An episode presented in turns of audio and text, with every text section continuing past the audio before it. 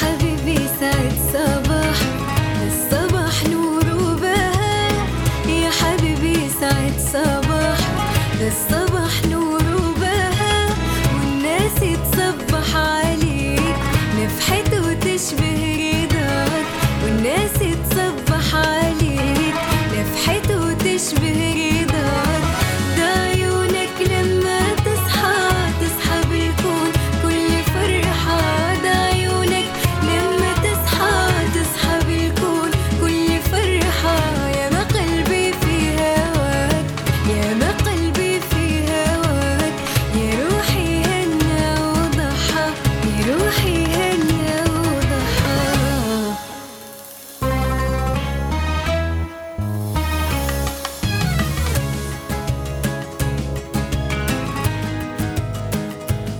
يا صباح الخير وصباح الفل عليكم مستمعينا الكرام ومتابعينا في كل مكان عبر شاشتنا.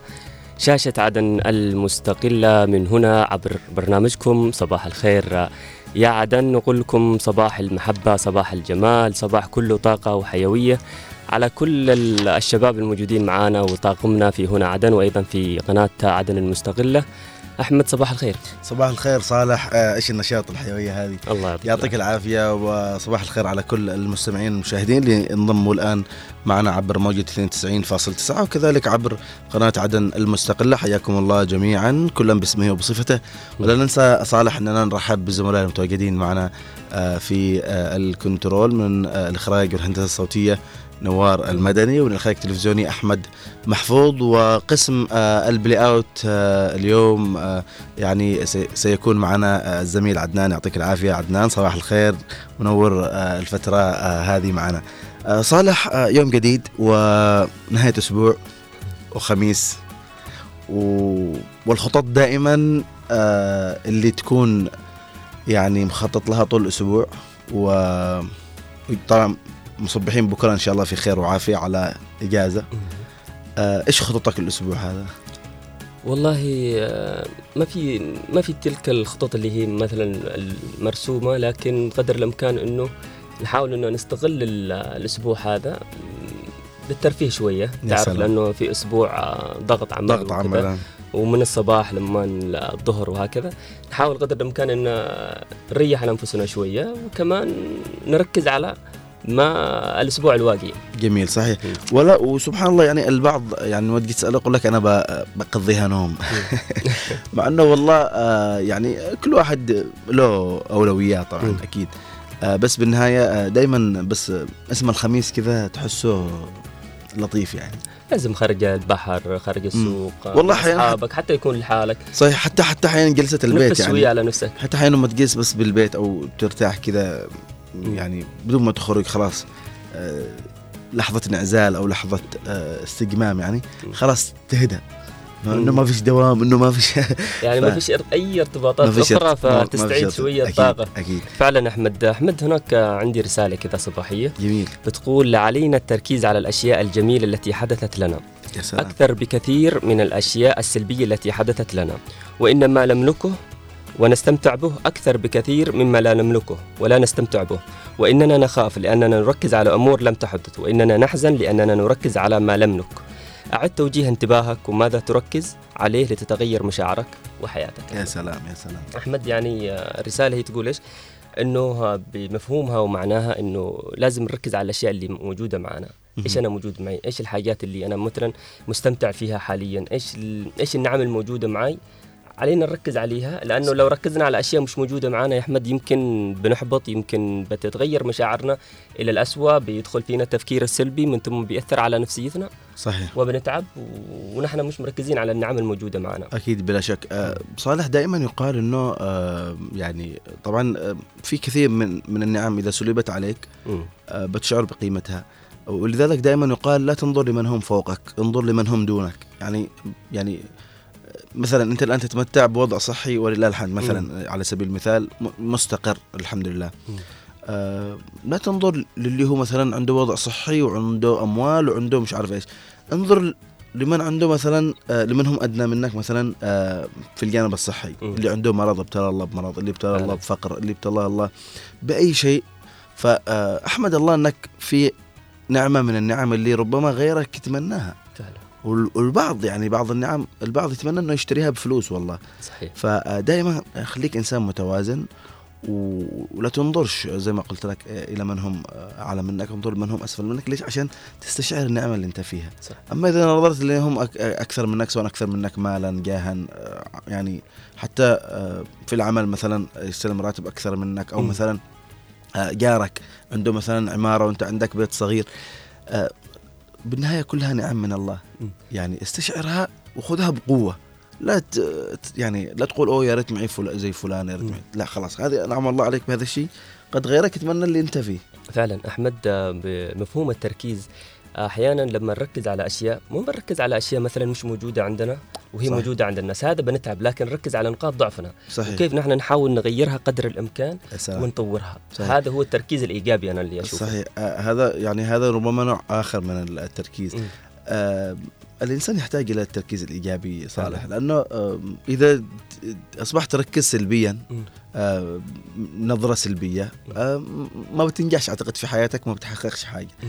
لكن آه ركز ايجابيا وخلي مثلا النقاط اللي مركز عليها. آه تساعدك إنك تطور أو تتقدم خطوة للأمام مش ترجع للخلف فعلا فدائما آه، يعني أنت ذكرت نقطة اللي هي هنا كنا نتكلم أنا وانت قبل أيام تذكر وتذكر وزميل طارق على مم. مسألة الفرص والتحديات. اللي كانت آه، ربما تكون عند الشخص. آه، نقاط الضعف نقاط القوة طبعا هذا في الجانب المؤسسي والإداري مم. ويفهمه كثير من الناس. لكن آه، برضو اسقطها على نفسك إيش نقاط ضعفي إيش نقاط قوتي إيش الفرص اللي عندي إيش التحديات اللي أواجهها وأحاول ان أبني وأصلح وما أركز على كل حاجة برضو يعني. شوف أحيانا التركيز آه، يوصلك يعني لليأس أحيانا مم. والله أحيانا تركيز لا بالعكس أحيانا تركيز يوصلك للأمام مم. آه، كل واحد بالنهاية له نظرة ثاقبة مم. و... وعنده نظرة آه، إيجابية وعنده نظرة للمستقبل إنه الشيء يتقدم خطوة للامام مم. أحمد هو التفكير أحيانا آه، إذا عندنا تفكير صحي أكثر آه، مع مع صحيح. ذواتنا صحيح. فأعتقد ان نحن بنتقدم وبنتغير والله إذا كان تفكيرنا مش حلو صحيح يا صالح والله في ناس مش متعلمين مم. يعني للأمانة يعني في ناس مش متعلمين بس تفكيرهم نظيف جدا يعني عنده تخطيط عنده تلاقيه على الفطرة مم. وناس متعلمين ومش عارف إيش مش قادر يخطط حتى إيش بينجزه خلال أسبوع فعلا أحمد قد لا يقرأ ولا يكتب لكنه ناجح آه، اداريا صحيح. أو عملياً. تجاريا وعمليا آه، بيقول لك أنا صنعتني التجارب صحيح أيوه تلاقي تلاقي مثلا آه، كثير من ال- ال- الشيبان الأوائل يعني. بالذات نحن البعض اللي نعرفهم أو من أهالينا. تلاقي عنده تخطيط بس تلاقي مش متعلم يعني. فاهم له؟ وفي بعضهم لا أنا أذكر جدي عليه رحمة الله. كان متعلم يا أخي. وحتى اللغة الإنجليزية تعرف أيام بريطانيا ومش. عارف إيش ال- اللغة الإنجليزية ومش عارف إيش فعندهم عندهم والبعض قلت لك لا بس بالنهاية عندهم تخطيط. سليم عندهم رؤية للمستقبل ونظرة ثاقبة إنه بي لا لا تعمل كذا شوف يمكن يحصل لك كذا ليش مم. برضه هي تجارب أسقطوها آه عاشوها. وأسقطوها على الجيل اللي بعدهم فعلا إنه أتجنب كذا يمهد لك كثير من الطريق فعلا أحمد بما إنه بدأنا اليوم كذا بمواضيع يعني عن عن التغيير وعن التفكير وحبينا نتكلم كذا بشكل مفتوح اليوم هو خميس خميس. ويكند يعني. أيوه فموضوعنا إن شاء الله بيكون آه، مفتوح ومنتظرين مشاركات لأن نحن جزء من المستمعين والمشاهدين. ننتظر مشاركاتهم وتفاعلاتهم أكيد. عبر الاتصال وعبر مواقع التواصل الاجتماعي. الساعة الأولى نحن بنبدأ بها هي ساعة الفقرات أكيد. المواقف الإيجابية ذكرناها أحمد معنا الطقس ومعنا ال- في مثل هذا اليوم مثل هذا اليوم. وحلو الأخبار. وبريد اليوم إن شاء الله والفقرة الرياضية. مم. ودائما كالمعتاد زي ما عودنا المستمعين والمشاهدين وعودنا إحنا نوار. بهدية هدية الصباح. إيش معك يا نوار اليوم من هدية بنسمعها مع الجمهور.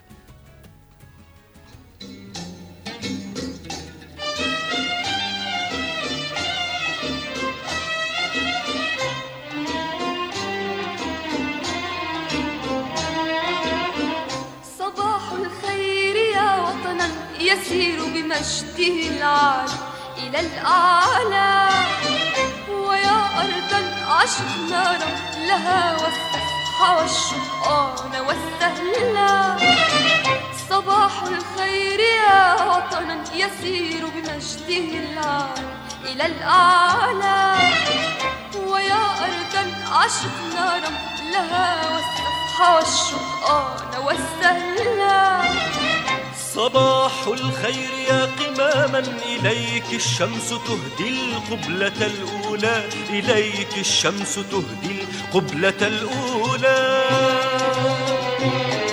وأنت الخير يا من في كتاب الله ذكرك آية تتلى. وأنت الخير يا بلدي يا بلدي.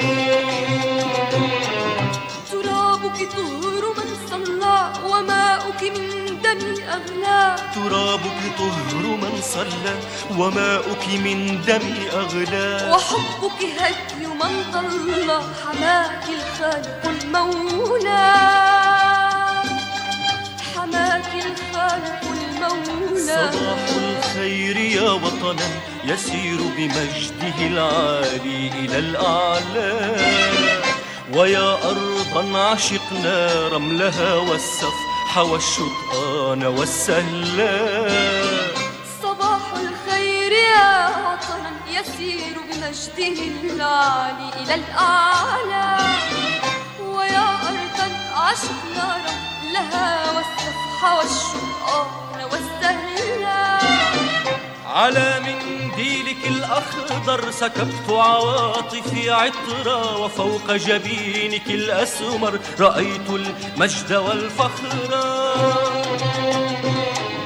وفيك بحبنا الأكبر أذوب بلوعة حرة وفيك بحبنا الأكبر أذوب بلوعة حرة ترابك طهر أغلى ترابك طهر من صلى وماؤك من دم أغلى. وحبك هدي من ضل حماك الخالق المولى حماك الخالق المولى صباح الخير يا وطنا يسير بمجده العالي إلى الأعلى. ويا أرضا عشقنا رملها والسفح والشطآن والسهلا صباح الخير يا وطنا يسير بمجده العالي إلى الأعلى ويا أرضا عشقنا رملها والسفح والشطآن والسهلا أحن إليك أنداء خيوط الفجر مرشفها وألحانا على أوتار هذا القلب أعزفها. ولوعة عاشق في عجزه يحتار واصفها. ولوعة عاشق في عجزه يحتار واصفها. ترابك طهر من صلى وماؤك من دم أغلى ترابك طهر من صلى وماؤك من دم أغلى. وحبك هدي من ضل حماك الخالق المولى. حماك الخالق المولى. صباح الخير يا وطنا يسير بمجده العالي إلى الأعلى.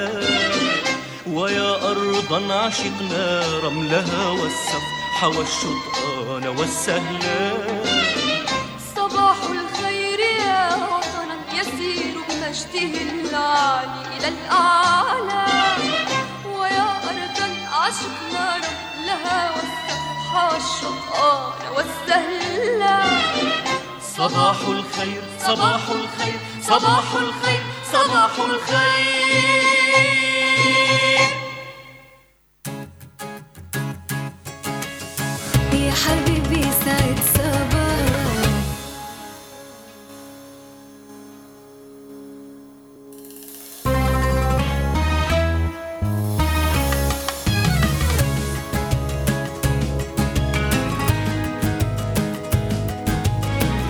متواصلين معكم مستمعينا ومشاهدينا في صباح الخير يا عدن لهذا اليوم الخميس 22 فبراير عام 2024 وكما عودناكم في أولى فقرات آه، الحلقة لهذا اليوم. بنبدأ في فقرة الطقس مع الزميل صالح. صالح إن شاء الله يكون الطقس لا زال محتفظ بالبرودة والجمال والأجواء الجميلة. إن شاء خصوصا الله أنه نحن في فبراير يعني عاد الأجواء لا زالت حلوة. نقول له استمر استمر. استمر يبقى نتعرف أكثر مع صالح. إن شاء الله.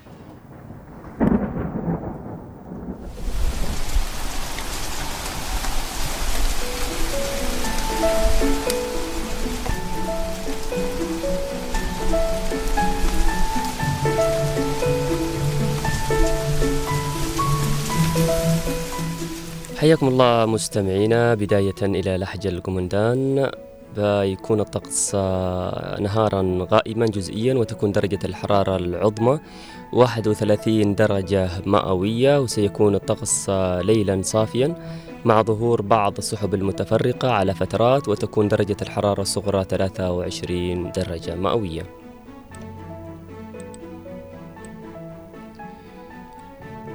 أما عن أبين جارتها سيكون الطقس نهارا غائما جزئيا وتكون درجة الحرارة العظمى 30 درجة مئوية وسيكون الطقس ليلا صافيا مع ظهور بعض السحب المتفرقة على فترات وتكون درجة الحرارة الصغرى 25 درجة مئوية.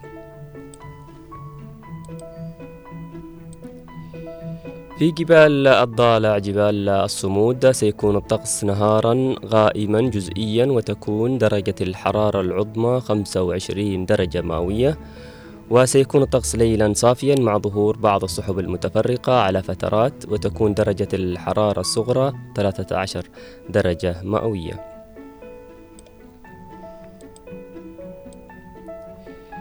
أما عن يافع سيكون الطقس نهارا صافيا مع ظهور بعض السحب المتفرقة على فترات وتكون درجة الحرارة العظمى 26 درجة مئوية وسيكون الطقس ليلا صافيا مع ظهور بعض السحب المتفرقة على فترات وتكون درجة الحرارة الصغرى 15 درجة مئوية.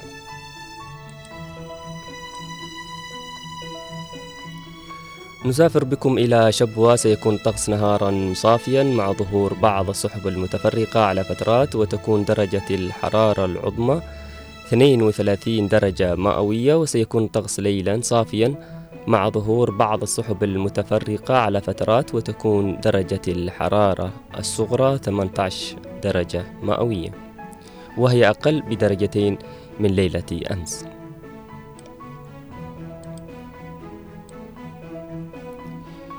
في المهرة سيكون الطقس نهارا صافيا وتكون درجة الحرارة العظمى 32 درجة مئوية وسيكون الطقس ليلا صافيا مع ظهور بعض السحب المتفرقة على فترات وتكون درجة الحرارة الصغرى 17 درجة مئوية. الجمال والطبيعة سقطرى سيكون الطقس نهارا صافيا مع ظهور بعض السحب المتفرقة على فترات وتكون درجة الحرارة العظمى 28 درجة مئوية وسيكون الطقس ليلا صافيا مع ظهور بعض السحب المتفرقة على فترات وتكون درجة الحرارة الصغرى 19 درجة مئوية.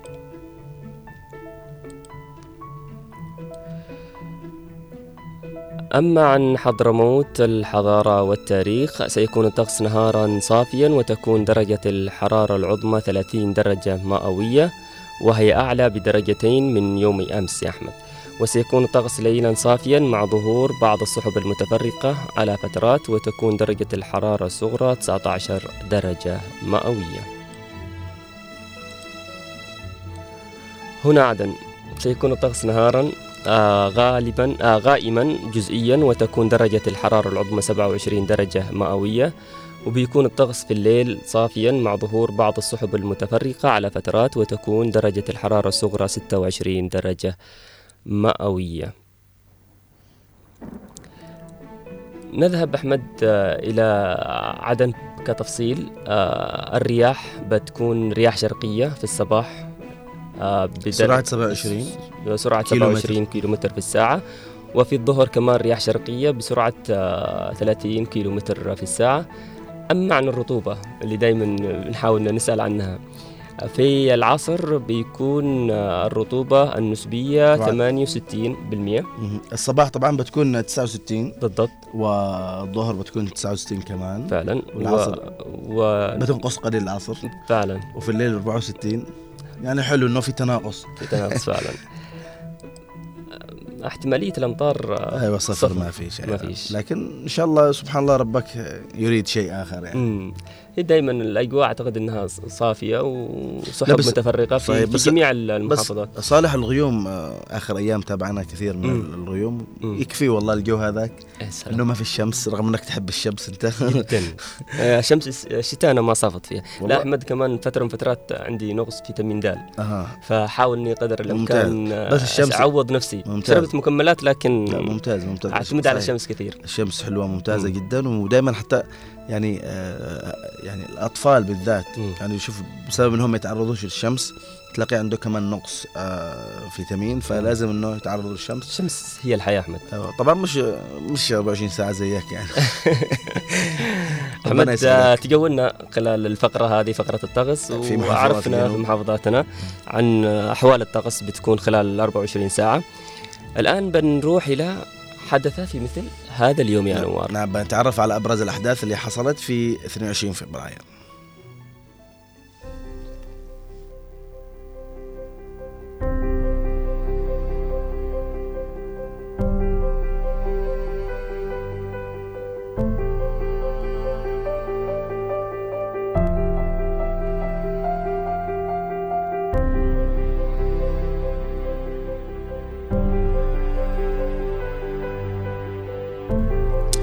حياكم الله مستمعينا ومشاهدينا الكرام في حدث في مثل هذا اليوم الثاني والعشرين من شهر فبراير حيث حدث في مثل هذا اليوم من عام 1958 الإعلان عن قيام الجمهورية العربية المتحدة باتحاد بين سوريا ومصر وذلك بعد تنازل شكري القوتلي عن الحكم لجمال عبد الناصر.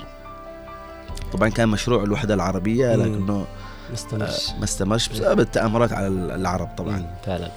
وكمان يا أحمد حدث في مثل هذا اليوم من العام 1972 الشيخ خليفة بن حمد آل ثاني يتولى مقاليد الحكم في دولة قطر بعد قيامه بانقلاب أبيض على ابن عم الشيخ أحمد بن علي آل ثاني.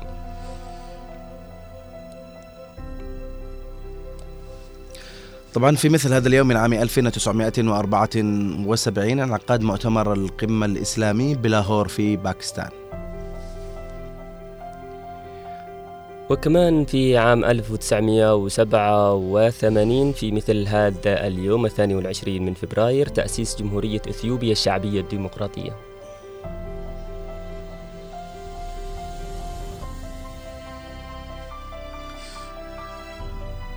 الحبشة طبعا إثيوبيا مم.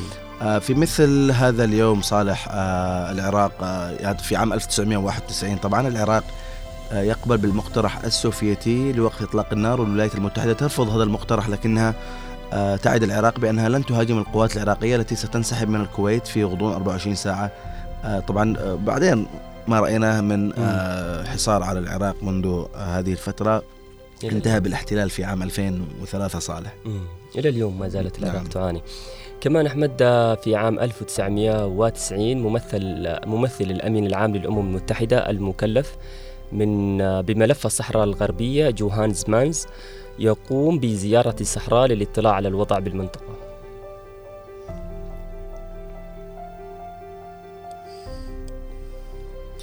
كذلك في مثل هذا اليوم الثاني والعشرين من شهر فبراير في عام 2009 انفجار بحي الحسين في القاهرة يودي إلى مقتل سائحة فرنسية وإصابة عشرة آخرين. انفجارات إرهابية يعني زالت آه، مستمرة.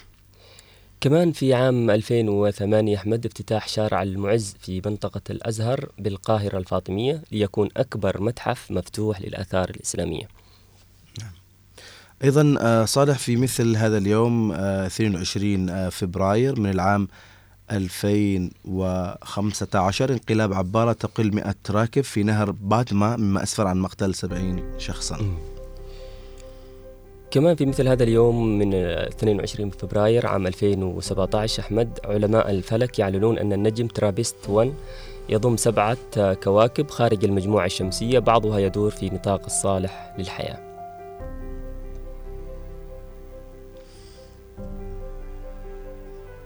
أيضا صالح في مثل هذا اليوم من عام 2023 طبعا العام الماضي مقتل 11 فلسطينيا وإصابة أو استشهاد نحن نقول المفروض. وإصابة آه، 102 بالرصاص الحي إثر اقتحام جيش الاحتلال الإسرائيلي لمدينة نابلس. ولا زال الاحتلال يعني يقصف آه، إخوتنا في فلسطين. نسأل الله لهم آه، الفرج العاجل بإذن الله. مواليد هذا اليوم أحمد؟ نعم صالح نفتح صفحة المواليد آه، ولد في مثل هذا اليوم 22 فبراير. في عام 1932 جورج واشنطن رئيس الولايات المتحدة الأول. 1732 1732 تعال 1900 عفوا. تعودنا على 1900 اي. لا التاريخ جميل والله صالح. طبعا صالح في مثل هذا اليوم من عام 1788 ولد آرثر شوبنهاور وهو فيلسوف ألماني. فيلسوف كمان آه، من الفلسفة إلى الشعر في عام 1886 هوغو بال شاعر وأديب ألماني. السلام عليك صالح.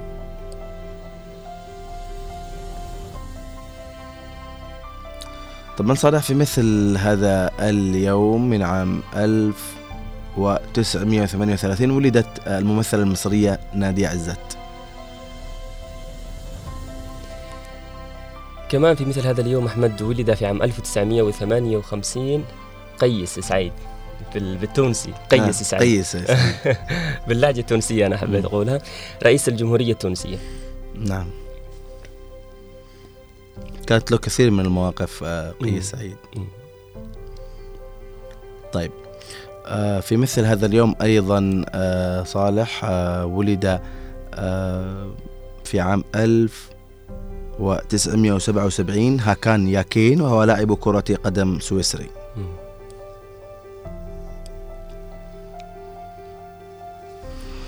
كمان في عام 1983 بهاء الكافي بهاء الكافي مغنية وممثلة تونسية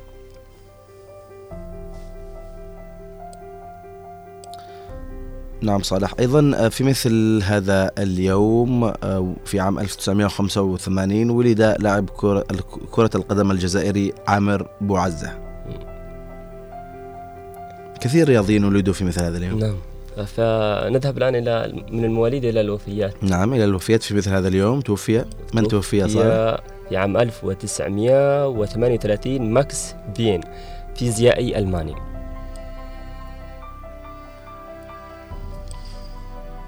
أيضا في مثل هذا اليوم توفي آه، من عام 1988 ميخائيل نعيمة وهو أديب وكاتب لبناني. أكيد تعرفه صالح حكى أنك آه، قارئ. بس ذاك الغار النهم إنما كمان في عام 2000 توفي حسام الدين مصطفى مخرج مصري. أيضا في مثل هذا اليوم من عام 2008 توفي مجد البرغوثي وهو داعية إسلامي فلسطيني. كمان في 2011 آه، نسيب البيطار إعلامي إماراتي من أصول أردنية توفي في مثل هذا اليوم أحمد.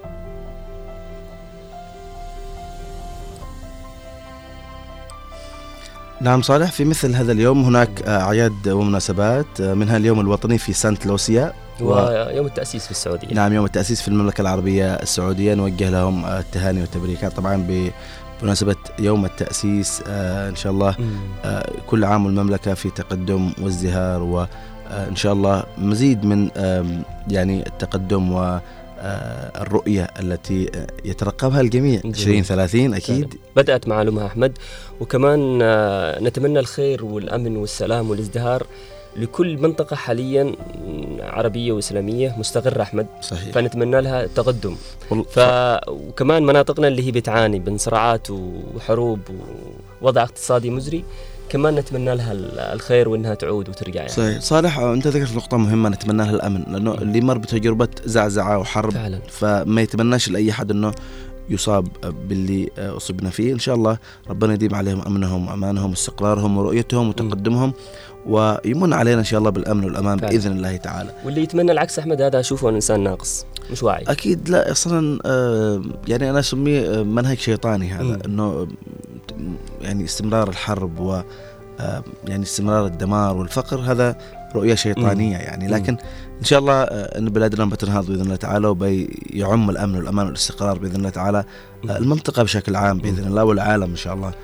أحمد آه، قرأنا على المستمعين حدث في مثل هذا اليوم. الآن فقرتك فقرة آه، حلو الأخبار. آه، إن شاء الله آه، تتنقل بنا والمستمعين مع أبرز المواقع الإلكترونية الموجودة. آه، بداية في موقع المجلس الانتقالي الجنوبي. وباقي المواقع طبعا صالح. إن شاء الله بنتعرف على أبرز الأخبار وإن شاء الله تكون أخبار خفيفة في حلو الأخبار. إن شاء الله. يا حبيبي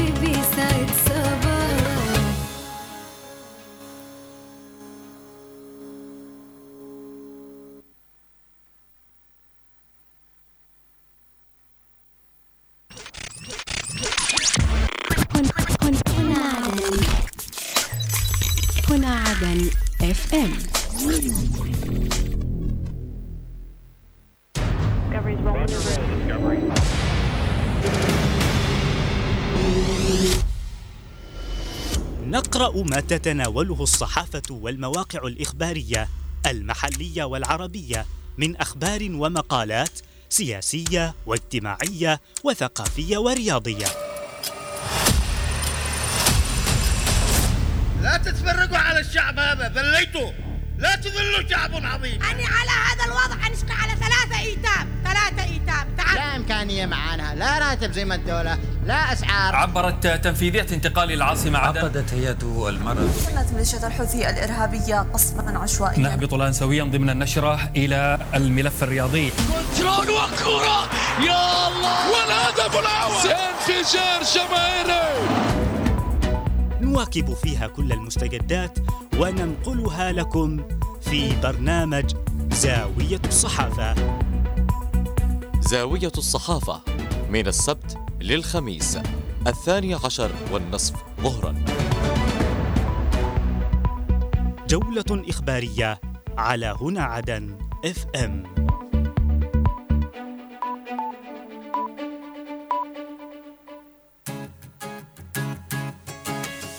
يا حبيبي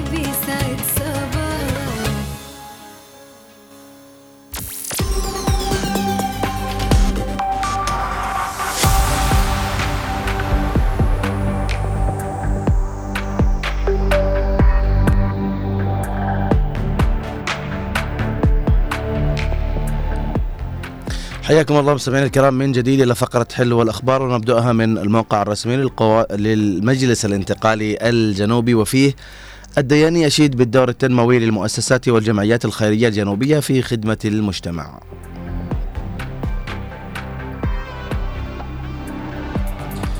وبدعوة رسمية اليافعي والشيخ يشاركان في منتدى الإعلام السعودي ثلاثة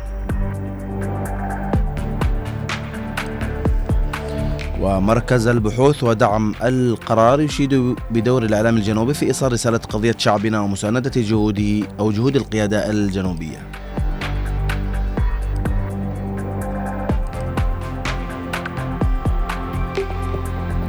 وننتقل الآن إلى 4 مايو وفيه.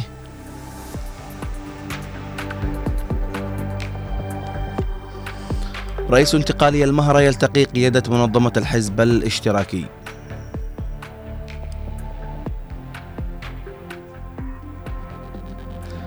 وإحياء فعالية يوم المسند بالعاصمة عدن.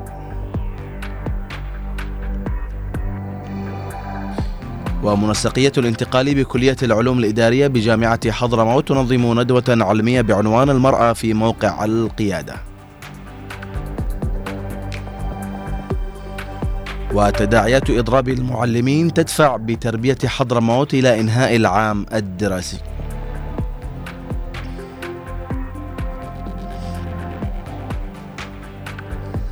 وحلمين تشيع جثمان الشهيد فهد الحضرمي.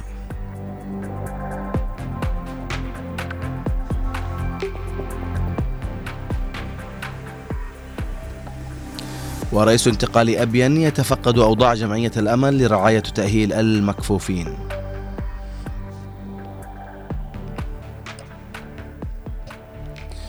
والسفارة الأمريكية تطالب الحوثيين بوقف هجماتهم المتهورة. وننتقل إلى عدن 24 وفيه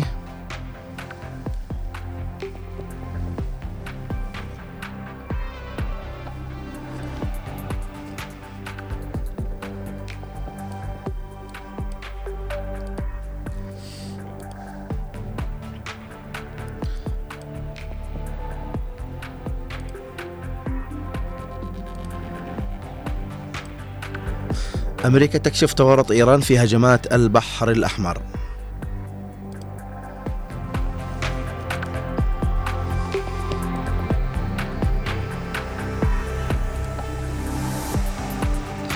ووثيقة جديدة بشأن إحالة محافظ البنك المركزي للنيابة العامة.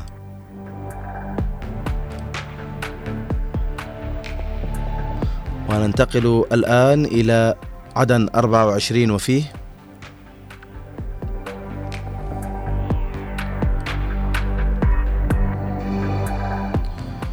الديان يشيد بالدور التنموي للمؤسسات والجمعيات الخيرية الجنوبية في خدمة المجتمع.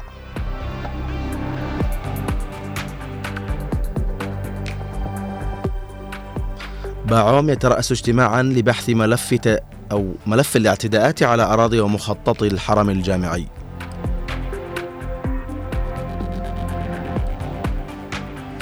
ولملس وبنيامين يستقبلان معدات تصريف الطاقة الخاصة بمحطة الطاقة الشمسية 120 ميجاوات في العاصمة عدن.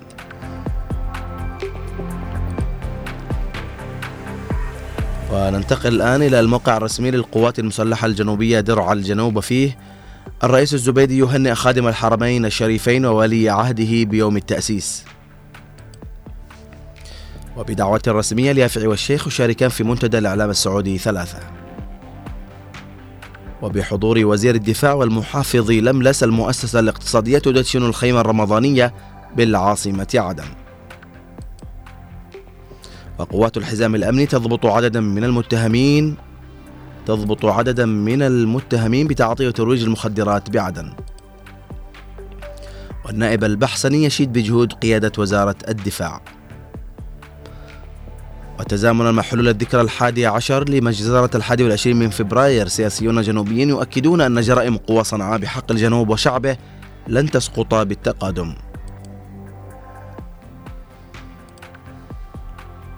وخلال تفقده شرطة السيارة المحافظ بن الوزير يشدد على ضرورة ترقيم السيارات. والعميد المنهالي يدشن دورة تدريبية لعناصر الشرطة النسائية عن دور الدفاع المدني في مكافحة الكوارث والحرائق.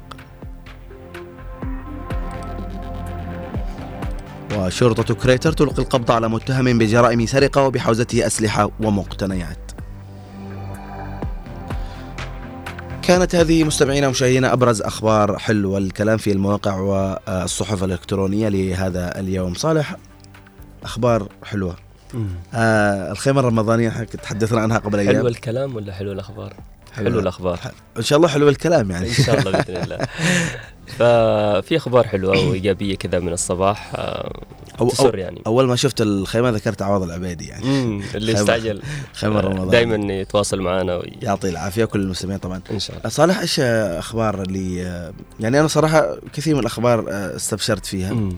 آه، مسألة وصول آه، يعني ال- المعدات الخاصة بمحطة الطاقة الشمسية. مم، هذا خبر حلو. اللي المفترض يعني تدخل الصيف القادم بإذن الله وهي جاهزة الخدمة. و... وجه رمضان يعني. مم. فما يتعذروش. صح. لكن إن شاء الله ربنا يسخر كل الخيارين لخدمة آه، البلد. طبعا أو يعني دولة الإمارات ما قصرت قدمت المحطة وتوابعها. وإن شاء الله يعني بجهود الخيارين أيضا تشتغل وبجهود الخيرين وبجهود آه، يعني المواطنين أيضا. نحافظ على. آه، هذه يعني المحطة إن شاء الله. بإذن الله. صالح كمان في أخبار آه، حلوة يعني في. محافظات الجنوب يعني.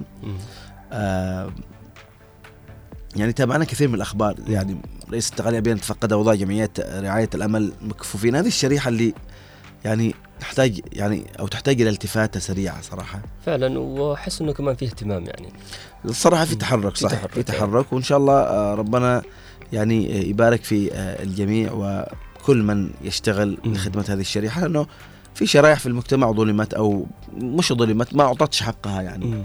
فجميل إنه يتم الالتفات لها ويتم يعني تقديم الدعم اللازم لهم. تقديم كل الجهود. أيضا أحمد لفت نظري خبر كوننا مؤسسة إعلامية مشاركة آه، رئيس القطاع نعم أستاذ عبد العزيز الشيخ ونائب رئيس الهيئة الوطنية للإعلام. فهذا حاجة إيجابية جدا وتحسب لنا يعني صحيح طبعا صالح آه، خلال الفترة الأخيرة كان حضور جنوبي كبير في كثير من.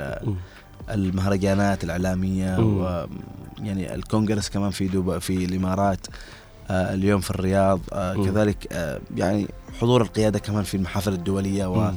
آه، الجمعية العمل الأمم المتحدة في دورتها 78 كمان كان لها دور كبير جدا وحضور قوي وبارز آه، كسر حقبة من آه، التهميش اللي. كانت موجودة ومر بها الجنوب مر. بها الجنوب ومرت بها آه، قيادة الجنوب أيضا وشخصيات جنوبية كثيرة تعرضت للتهميش لكن اليوم الجنوب يكسر حاجز هذا التهميش. جميل مم. أنه يكون مشاركة مم. ل آه، يعني إدارة قطاع إذاعة التلفزيون والهيئة الوطنية مم. للإعلام في مؤتمر إعلامي في الرياض. فعلا وبدعوة رسمية. أحمد الآن معنا الزميل مراسلنا سعيد الجهدمي. صباح الخير يا سعيد. نعم سعيد القدمهي من سقطرى في بريد اليوم. صباح الخير سعيد. أسعد الله صباحكم بكل خير. أسعد الله صباح مستمعين إذاعتنا. عدن صباحكم جميل وصباحكم سعيد. كجمال وروعة محافظة السلطان مم. آه زميلي سعيد آه سقطرى دائما تشهد تقلبات آه جوية يا ريت تطلعنا عن آه، أجواء هذا الأسبوع يعني في سقطرى هل هناك متغيرات منخفضات معينة؟ أكيد الأجواء في سقطرى أجواء أجواء جميلة مم. خصوصا في هذا الأثناء في هذه الأيام تشهد محافظة سقطرى أجواء مم. جميلة وأجواء رائعة تساعدها السواح من أرجاء العالم. أمام مساحة آه، مديرية كلنسية نشاهد أعداد كبيرة من السواح وهم. يتوجهون بالقوارب إلى محمية قوعار التي تشتهر بالدلافين. آه، حقيقة أفواج كبيرة وأعداد كبيرة من السواح الأجانب الآن مم. أمام أعيننا متجهين بالقوارب إلى محمية قوعار للاستمتاع مم. بالمناظر الجميلة مم. والمناظر الخلابة التي تشهدها محافظة الخرس فترة وتشهدها أيضا محمية قوعار تلك المحمية الجميلة المحمية التي يوجد فيها أعداد كبيرة من الأسماك النادرة والدلافين والمناظر الخلابة التي تستمتع بها تلك آه، المحمية طبعا آه، آه، السواح يتوافدون بشكل كبير وبشكل وبأعداد كبيرة آه، من أقطار العالم إلى محافظة رشد سقطرى للاستمتاع بالمناظر الجميلة والمناظر الخلابة والمحمية الطبيعية مم. والمحمية الساحلية كمان. التي تتميز بها محافظة رخيب سقطرى دون آه، دون الغير فحقيقة آه، سقطرى حماها الله بالأمن والأمان والسلام آه، كل ذلك يساعدها على آه، السواح و والذين هم يأتون من العالم اللي عبر مطار أبو ظبي إلى مطار سقطرى. آه، كل يوم آه، ثلاثاء ويوم الج- الجمعة عبر آه، طيران شركة العربية مم. حقيقة أن مطار سقطرى يستقبل أعداد آه، كبيرة من السواح الأجانب. آه الأخبار والمستجدات آه يوم أمس آه وهناك أحياء للغة السقطرية بحضور رئيس مجلس التكالي محافظة سقطرى سيد- سعيد عمر والأخ وكيل أول محافظة الخبز سقطرى رايد القريبي وقايم بأعمال المحافظ وهو إحياء آه، السقطرية ومركز اللغة السقطرية بحضور السلطة المحلية وبحضور عدد كبيرة من السلطة المحلية بالمحافظة و آه، ل آه، لعرض بعض المصطلحات اللغوية للغة السقطرية والبعض وبعض المفردات التي التي تتميز بها تلك اللغة تلك اللغة الكبيرة من المصطلحات و كانت نعم. يبدو الصوت يتقطع عن سعيد. للحفاظ على اللغة من الانقراض والحفاظ على المصطلح المصطلحات التي تتميز بها اللغة. مم. سعيد؟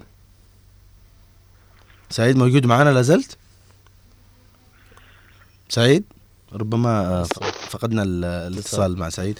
جميل في أخبار حلوة. آه، أنا كنت شي اساله عن آه طبعا نوار بيزعل طبعا سقطرة دائما آه تحرق آه تحرق شجرة القات يعني. أي نبتة توصل يحرقوها. فجميل جدا إنه آه في آه يعني آه مكافحة على هذه النبتة اللي ضيعت جهد ووقت شبابنا وكثير من الناس. هذا كل شيء سأل سعيد على هذه النقطة. صالح آه، أخبار جميلة آه، ولا زالت سقطرى تقدم يعني نموذج جميل جدا.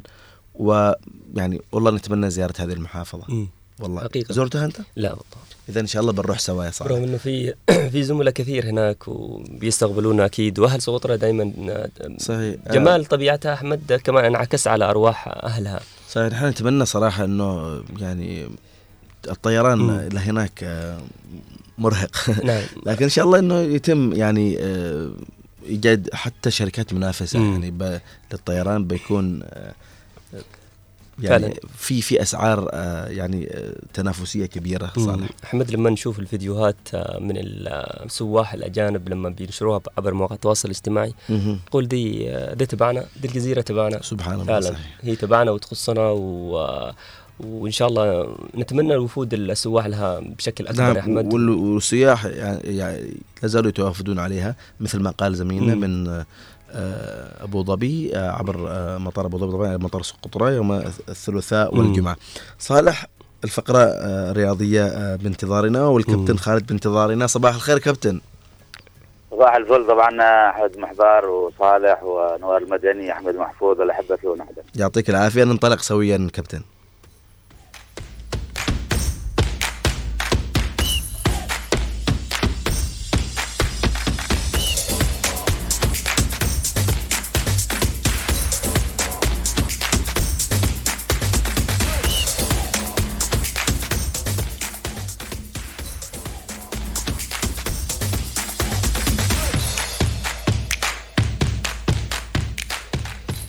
يا صباحك يا كابتن ونبدأ دائما في بالأمس بدأنا في طائرة ابين واليوم كمان بنبدأ في طائرة ابين نعم آه، صالح أكيد نقدم لكم الصباح ولمن يستمع للفقرة الرياضية على اثيرنا عدنا أكيد أنه أمس ختم المشهد في ابين بوابه آه، كرة الطائرة هناك آه، تجمع الأندية انتهى لكن آه، ربما بنوع من المفاجأة باعتبار أنه لم يكن أحد يتوقع أنه حسان قد يذهب إلى صدارة ال- ال- المجموعة لأنه كانت. هناك مباراة تتجمع خنفر وعرفان لكن المعطيات جهت إنه خنفر استطاع أن يفوز على عرفان وبالتالي بثلاثة أشواط لشوط ويهدي بطاقة التأهل للغريم طبعا حسان تقلبات هكذا من بوابة ثلاثة أشواط 20 15 20 15 17 15 21 15 مم. إذا نتحدث عن مشهد جميل آه، قدمته الرياضة عندما تصنع بعض المفاجآت التي ترتبط أيضا بقيمة النادي هذا وذاك لكن في الأخير نحن نبارك النجاح لأبين هذا التجمع نبارك للصدارة لحسان التأهل إلى الأدوار القادمة. أيضا نبارك نجاح ال- الاتحاد لأنه هناك أيضا الكابتن حسين عوض العزاني وأحد أبناء لودر يرأس آه، اتحاد ال- الطائرة طبعا في المنظومة العامة. وبالتالي أكيد آه، أي شيء في أبين وفي محافظتنا ال- الجنوبية هو حوار جميل يرتبط بالرياضة كقيمة مم. كشباب كمحتوى كمنافسة. فعلا. آسيويا كابتن دور ربع النهائي بيشهد مواجهة خليجية عربية ما بين العين والنصر. أكيد نحن سعداء أنه ال- ال- العين تأهل سعداء أنه النصر آه، تأهل. مثل ما قلنا أمس كنا نرتبط بأمنيات ال- ال- ال- العين كان تعادل هناك في أوزبكستان. أمس آه، سجل له المغربي طبعا سفيان آه، رحيمي هدف ال- الثاني وبالتالي آه، قلبت المعطيات كان الفريق الأوزبكي يتقدم بهدف لكن استطاع ال- العين أمام حشد جماهيري بلغ ما يقارب العشرة ألف آه، متفرج آه، ساندوا العين هكذا بزخم جماهيري وهزيق وبالتالي سجل العين هدفين وصعد إلى الدور ال- القادم طبعا في ابطال آسيا. على نفس المنوال طبعا النصر كرر الفوز اللي كان حققه على الفيحاء بهدف في الذهاب وفاز بهدفين بصبغه طبعا آه، برتغاليه أوتافيو ورونالدو سجلا هدفي المباراة في الدقيقتين 17 آه، 86 آه، سعداء بن العرب حاضرين آه، في النهايه لأنه نحن نمني النفس بعودة كأس آسيا في الأحضان العربية. آه، أيضا كرة ال- الكرة الأسيوية جميله صالح وأحمد مم. تقدم عطاء جميل. نحن سعداء بكل انتصار عربي. أكيد لنا مواعيد في المواعيد أو في المحطات ال- التي سنتابعها في الأيام القادمة. بالتفاصيل اليوم هناك مباريات أيضا سنتابعها. كل هذه الأشياء جميله كلها رصد من خلال صوت اثيرنا عدن. أوروبيا كابتن أمس آه، كنا سألتك على موضوع التوقعات فكمان خرجت النتيجة بتوقع غير غير متوقع يعني بنتيجة غير متوقع يعني التعادل نعم نعم. لا التوقعات آه، صالح دائما هي ترتبط بما قبل المباراة لكن مثل ما. قلت لك دائما الفرق الكبيرة لها رده فعل آه، ربما نابولي أمس تعافى بتحقيق التعادل في أوقات آه، متأخرة من خلال. طبعا آه، أوسيمين الذي سجل هدف في الدقيقه 75 لكن مباراة جميلة أيضا. برشلونة كان ربما حاضر فيها ذهنيا باعتبار أنه كان نال الأسبقية في 60 من خلال عودة أيضا روبرتو لوفاندوفسكي في التسجيل وبالتالي استمتعنا بالمباراة. لكن تظل معطيات هذه المباراة أيضا مرتبطة بشيء آه، خارج نطاق الورق. هناك مباراة عودة أكيد في برشلونة.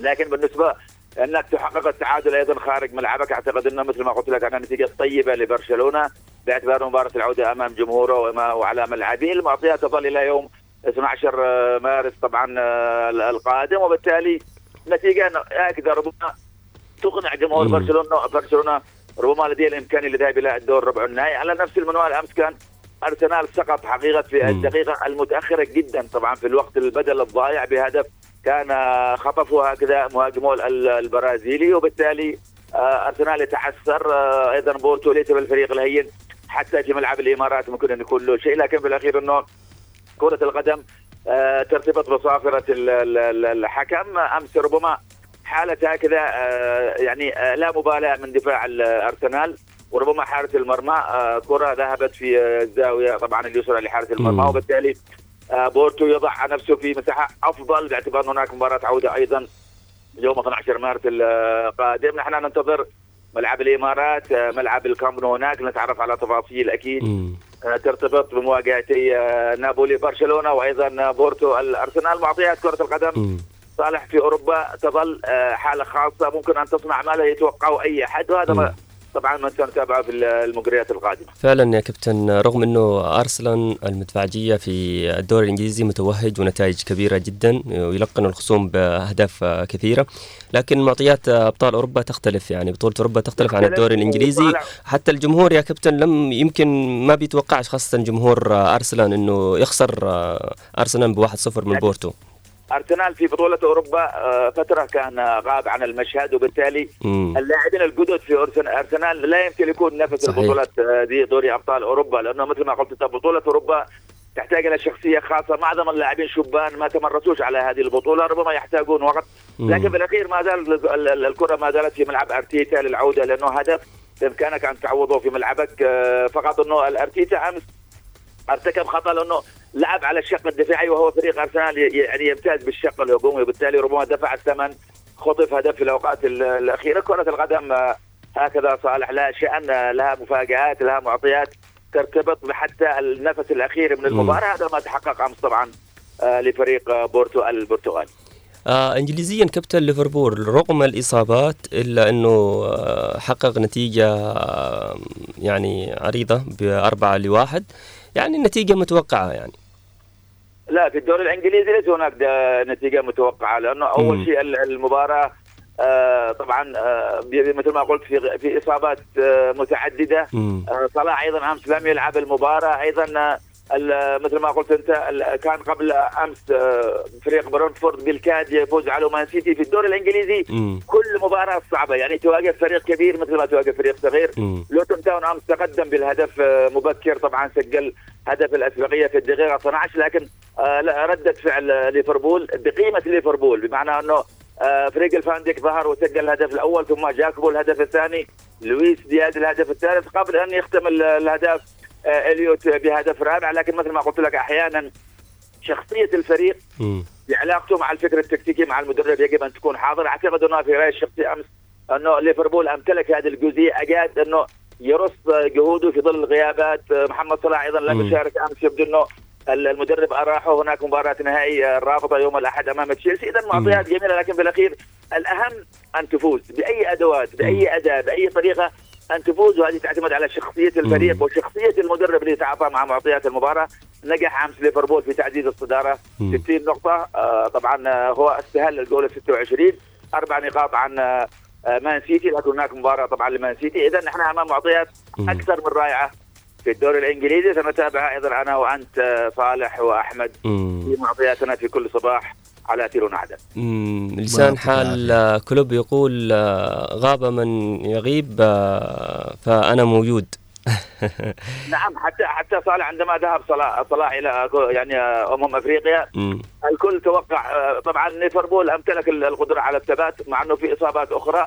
آه، يعني عوض غياب صلاح وذهب إلى الانتصارات وعاد إلى الصدارة اذا أنا أقول هنا دائما مم. المدرب هو أهم أدوات أي فريق قبل أن. يكون لاعبين لديك قبل أن يكون لديك مدرب يستطيع أن يضع المعطيات المسميات تحريك الأدوات مم. على واقع الملعب التدوير ما بين اللاعبين هذه الأشياء يمتلكها كلوب أكيد بدرجة امتياز بعد التخبط والنتائج السيئة لنادي بايرن ميونخ أنا كمشاهد ومتابع للدوري الألماني والبايرن ميونخ توقعت أنه توخيل خلاص سيرحل سيرحل. أكيد لازم يرحل لأنه ال- قراءه المشهد هكذا تقول. لم نشاهد البايرن ميونخ يخسر ثلاث مباريات على التوالي في دوري ابطال في الدوري المحلي اليوم آه، باير ليفركوزن بعيد عن بايرن ميونخ بثمان نقاط صالح. مم. وبالتالي كان لابد بافاري فريق لا يقبل إلا بالبطولات. 11 سنة وهو يعني مستحوذ على البوندسليغا. بطل أوروبا بطل بطل بطل أشياء كثيرة ترتبط. بقيمة النادي. وبالتالي القرار منتظر لكن اسوء ما في القرار صالح أنه منحوا توخيل البقاء إلى نهاية الموسم. وأنا أعتقد هذه سقطة ربما هم أدرى بشؤونهم لكن في الأخير عندما تقيل المدرب لا يمكن يبقى لديه الروحانيه لتحقيق شيء مم. على مسار المباريات ال- ال- ال- البني آدم أو الإنسان أو المدرب محتوى والمحتوى يحبط في. مثل هذه القرارات لكن هو قرار آه، اتخذ عند قيادة بايرن ميونخ. سيبقى توخيل نهاية الموسم مم. آه، أتوقع ربما ربما أنه قد يغادر بايرن ميونخ الدوري الأوروبي لكن إحنا ننتظر ننتظر ردة فعل نادي كبير. مثل ما تحدثنا عن برشلونة نابولي اذا آه، البافاري دائما آه، قوي الشخصيه هو آه، طبعا الأهم أو الأجمل أو الأفضل في الدوري الألماني. ننتظر ردة فعل امام لاتسيو. وربما محاولة تقليص الفارق مع باير ليفركوزن في مباريات البوندسليغا الحديث. مم. مفتوح هنا وأنت دائما كابتن. مستمرين في المتابعة. كابتن خالد آه، من باب من باب الدعابة آه، رياضيا آه، لربما تكون لعنة هاري كين الذي لم يحقق أي لقب مع توتنهام فعند انتقاله إلى بايرن ميونخ ظهر بايرن ميونخ بهذا الشكل. لكن لكن يا صالح يجب ان نعطي كين حقه لأنه كين لا لا لا نجد هداف بأمانة يعني ربما ربما ظروف الفريق لم تساعد لكنه كنجم كهداف. جاء وضع الأرقام. الكبيرة سجل في كل المباريات نتحدث عن بصمة آه، مكسب آه، كما كما تحدث الجميع أنه آلة تهديفية مكسب للفريق. البافاري مثل لكن مثل ما قلت لك كرة القدم في بعض الأوقات تدير ظهرها للنجوم مم. للأسماء للأندية وهذا ما يحصل اليوم أكيد مع بايرن ميونخ لكن أنا أأكد لك أنه بايرن ميونخ لن يطول في هذا ال- الممر مم. سيعود آه، قريبا هكذا اعتدناه فريق بافاري متمرس قوي لديه شخصية الحضور في المواعيد في حواره المحلي أو حتى الأوروبي مم. هاري كين لاعب كبير أنا صراحة من أكثر أكثر لعيب أكثر مهاجم حاليا الفترة الأخيرة يقنعني صراحة كابتن خالد نعم. فنتمنى له أن يحقق لقب لقبين ثلاثة مع بايرن ميونخ لأنه لاعب أكيد، أكيد، كبير أكيد. ومميز جدا بس من باب الدعابة مع الجمهور أكيد أكيد آه، فعلاً. زي زيك صالح دعابتك جميلة جدا. الله يعطيك العافية. بس آه الآن بنروح يا كابتن إلى مباريات الدوري الأوروبي. آه يا ريت كذا تعطينا أبرز المباريات المهمة نعم، للمش... للمش... للمستمع. فعلاً. اليوم في آه، التاسعة إلا ربع توقيت الحبيب. عدن لدينا رين فرنسا مع ميلان. مباراة أكيد مم. يكفي أن نتحدث عن ميلان. لنتعرف أنها مباراة جميلة. أيضا في نفس التوقيت فرايبورغ مع لانس فرنسا. مم. في نفس التوقيت تولوز أيضا مع بنفيكا. لدينا في الحادي عشر روما الإيطالي آه، مع مدربه طبعا دي روسي يذهب إلى هولندا. ليواجه في فينورد روتردام. مارسيليا أيضا مع شختار آه، الأوكراني في الحادي عشر. أيضا لدينا مباراة ستكون ما بين سبارتا براغ جالطة سراي لدينا مباريات أيضا منتظرة اليوم في دوري أبطال آسيا. مم. الاتحاد طبعا السعودي يواجه آه، نبخور نمنغان طبعا الأوزبكي. في التاسعة أيضا الهلال السعودي مع سبهان. مباريات جميلة ترتبط بمعط- بمعطيات أيضا ترتبط أيضا بكرة القدم الأسماء والنجوم. لنا متابعة أكيد أنا سعيد دائما معكم. صالح شكراً. أحمد وكل من استمع الفقرة الرياضية. باذن الله تعالى في صباح الأحد لنا موعد. بإذن الله كابتن يعطيك. العافية. فنتمنى لك ولكل المستمعين والمشاهدين ليلة كروية خاصة الرياضيين مشوقة يعني ما بين الدوري الأوروبي وأبطال آسيا. فأحمد أعتقد أن انتهينا من الفقرة أو من الساعة الأولى. نعم صالح آه كان ختامها الجانب الرياضي. دائما الكابتن ما شاء الله حصيلة جميلة من الرياضة.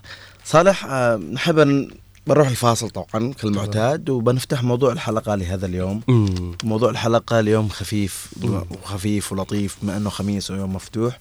والموضوع يعني السؤال يقول عندما آه، تصاب بأزمة أو مشكلة من هو أول شخص يتواصل معك؟ مش تتواصل معه يتواصل معك. يعني أنا بوقع في مشكلة أو مصيبة أو أزمة أو شيء في أشخاص عزيزين علي هم يبادروا. يعني من هم أول أشخاص آه، يعني يتواصلوا معك؟ صالح أنت بالنسبة لك يعني هل هو أحد من أقاربك أو أصحابك أو؟ والله شوف آه، أعتقد إنه في. و- وفي أقارب بس أعتقد إنه الأقارب هم أكثر. ناس من يتواصل معي. صحيح. لا ربما ربما يعني آه يعني أحيانا في. في مآزق آه أو يعني تحتاج إلى أنه آه الصديق كمان يبادر. مم. يعني بالذ- يعني في صراحة بعض بعض الأصحاب يكونوا هم كمان آه كأنهم أهل يعني وأقارب. برضو ما نقللش إحنا من دور الأهل أكيد أو ال- الأقارب. لكن برضو في حسب أعتقد إنه الأزمة أو المشكلة اللي بتوقع فيها. فعلا. فاحيانا في أزمة أو مشكلة ما تقدرش تتكلم فيها أقاربك. فعلا. فاضطر إنك تتصل بصاحبك. لا وكمان بعضهم يا أحمد إنه يشتيك تتصل عليه أنت لما تقع له آه، تقع لك أزمة معينة أو مشكلة معينة. لا لازم أنا أتصل. أنت. ليش ما اتصلت لي؟ هذا أنا اشوفها نقطة آه، مش حلوة. صراحة. نح- نحن نحن نحتاج إنه آه نبادر يعني نكون مبادرين آه كل عزيز علينا عموما صراحة بنروح الفاصل مع نوار ونعود ونفتح آه موضوع النقاش وبنستقبل ان شاء الله الاتصالات عبر ارقام الهاتف 20 11 15 و 20 17 17 ورسائل الواتساب عبر آه رقم الواتساب 715 925 929 929 وصفحة الفيسبوك كونوا معنا ان شاء الله بعد الفاصل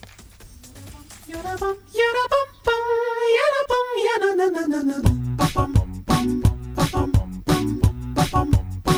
Bildi şelebi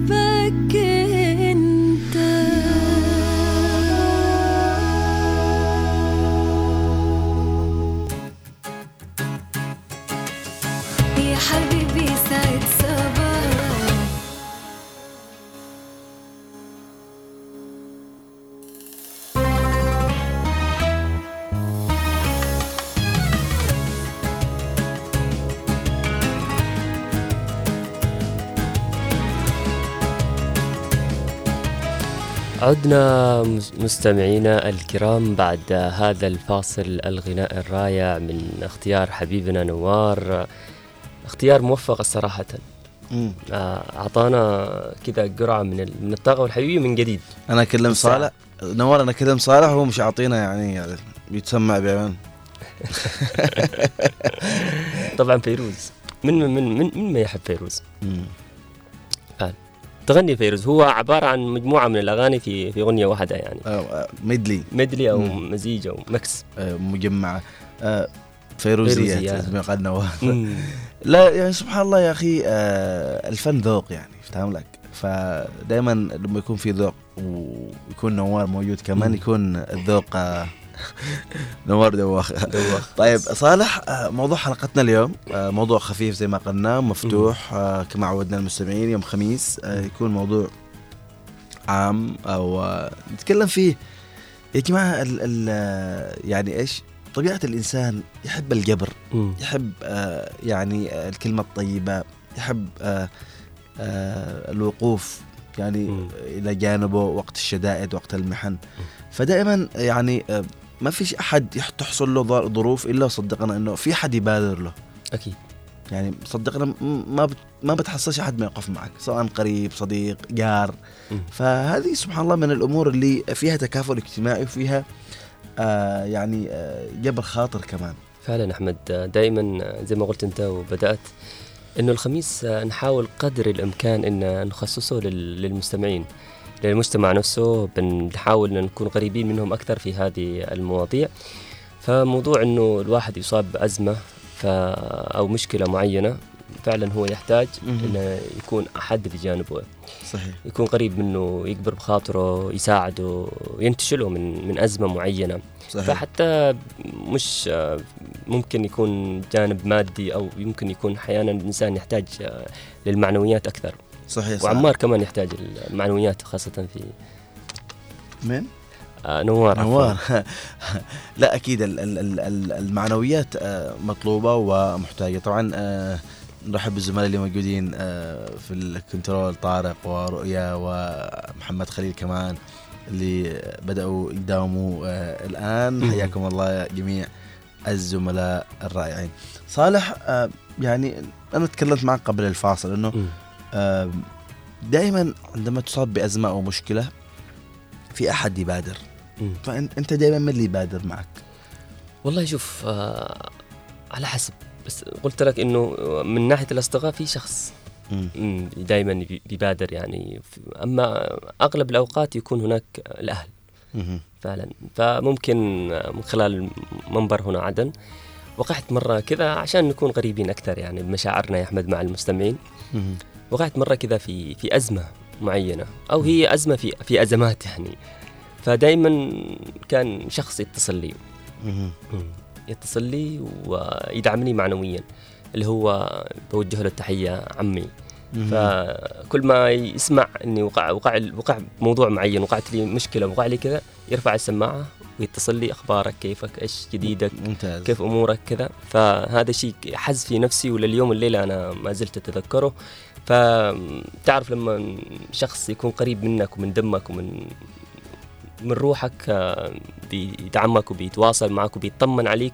مش شرط يكون دعم مادي احمد آه، الدعم أكيد. المعنوي أكيد بلا شك أهم بشكل كبير فصراحة صحيح. بوجه يا هو بيشاهدني الآن وبيسمعني بوجه له التحية عمي آه صالح طبعا آه الدعم مش كله فلوس يعني بالنهاية ال- ال- ال- الماديات آه، يعني أو الفلوس أحيانا ممكن نقول لها تنتهي. آه بيبقى الاثر النفسي حق جبر الخاطر الكلمة الطيبة.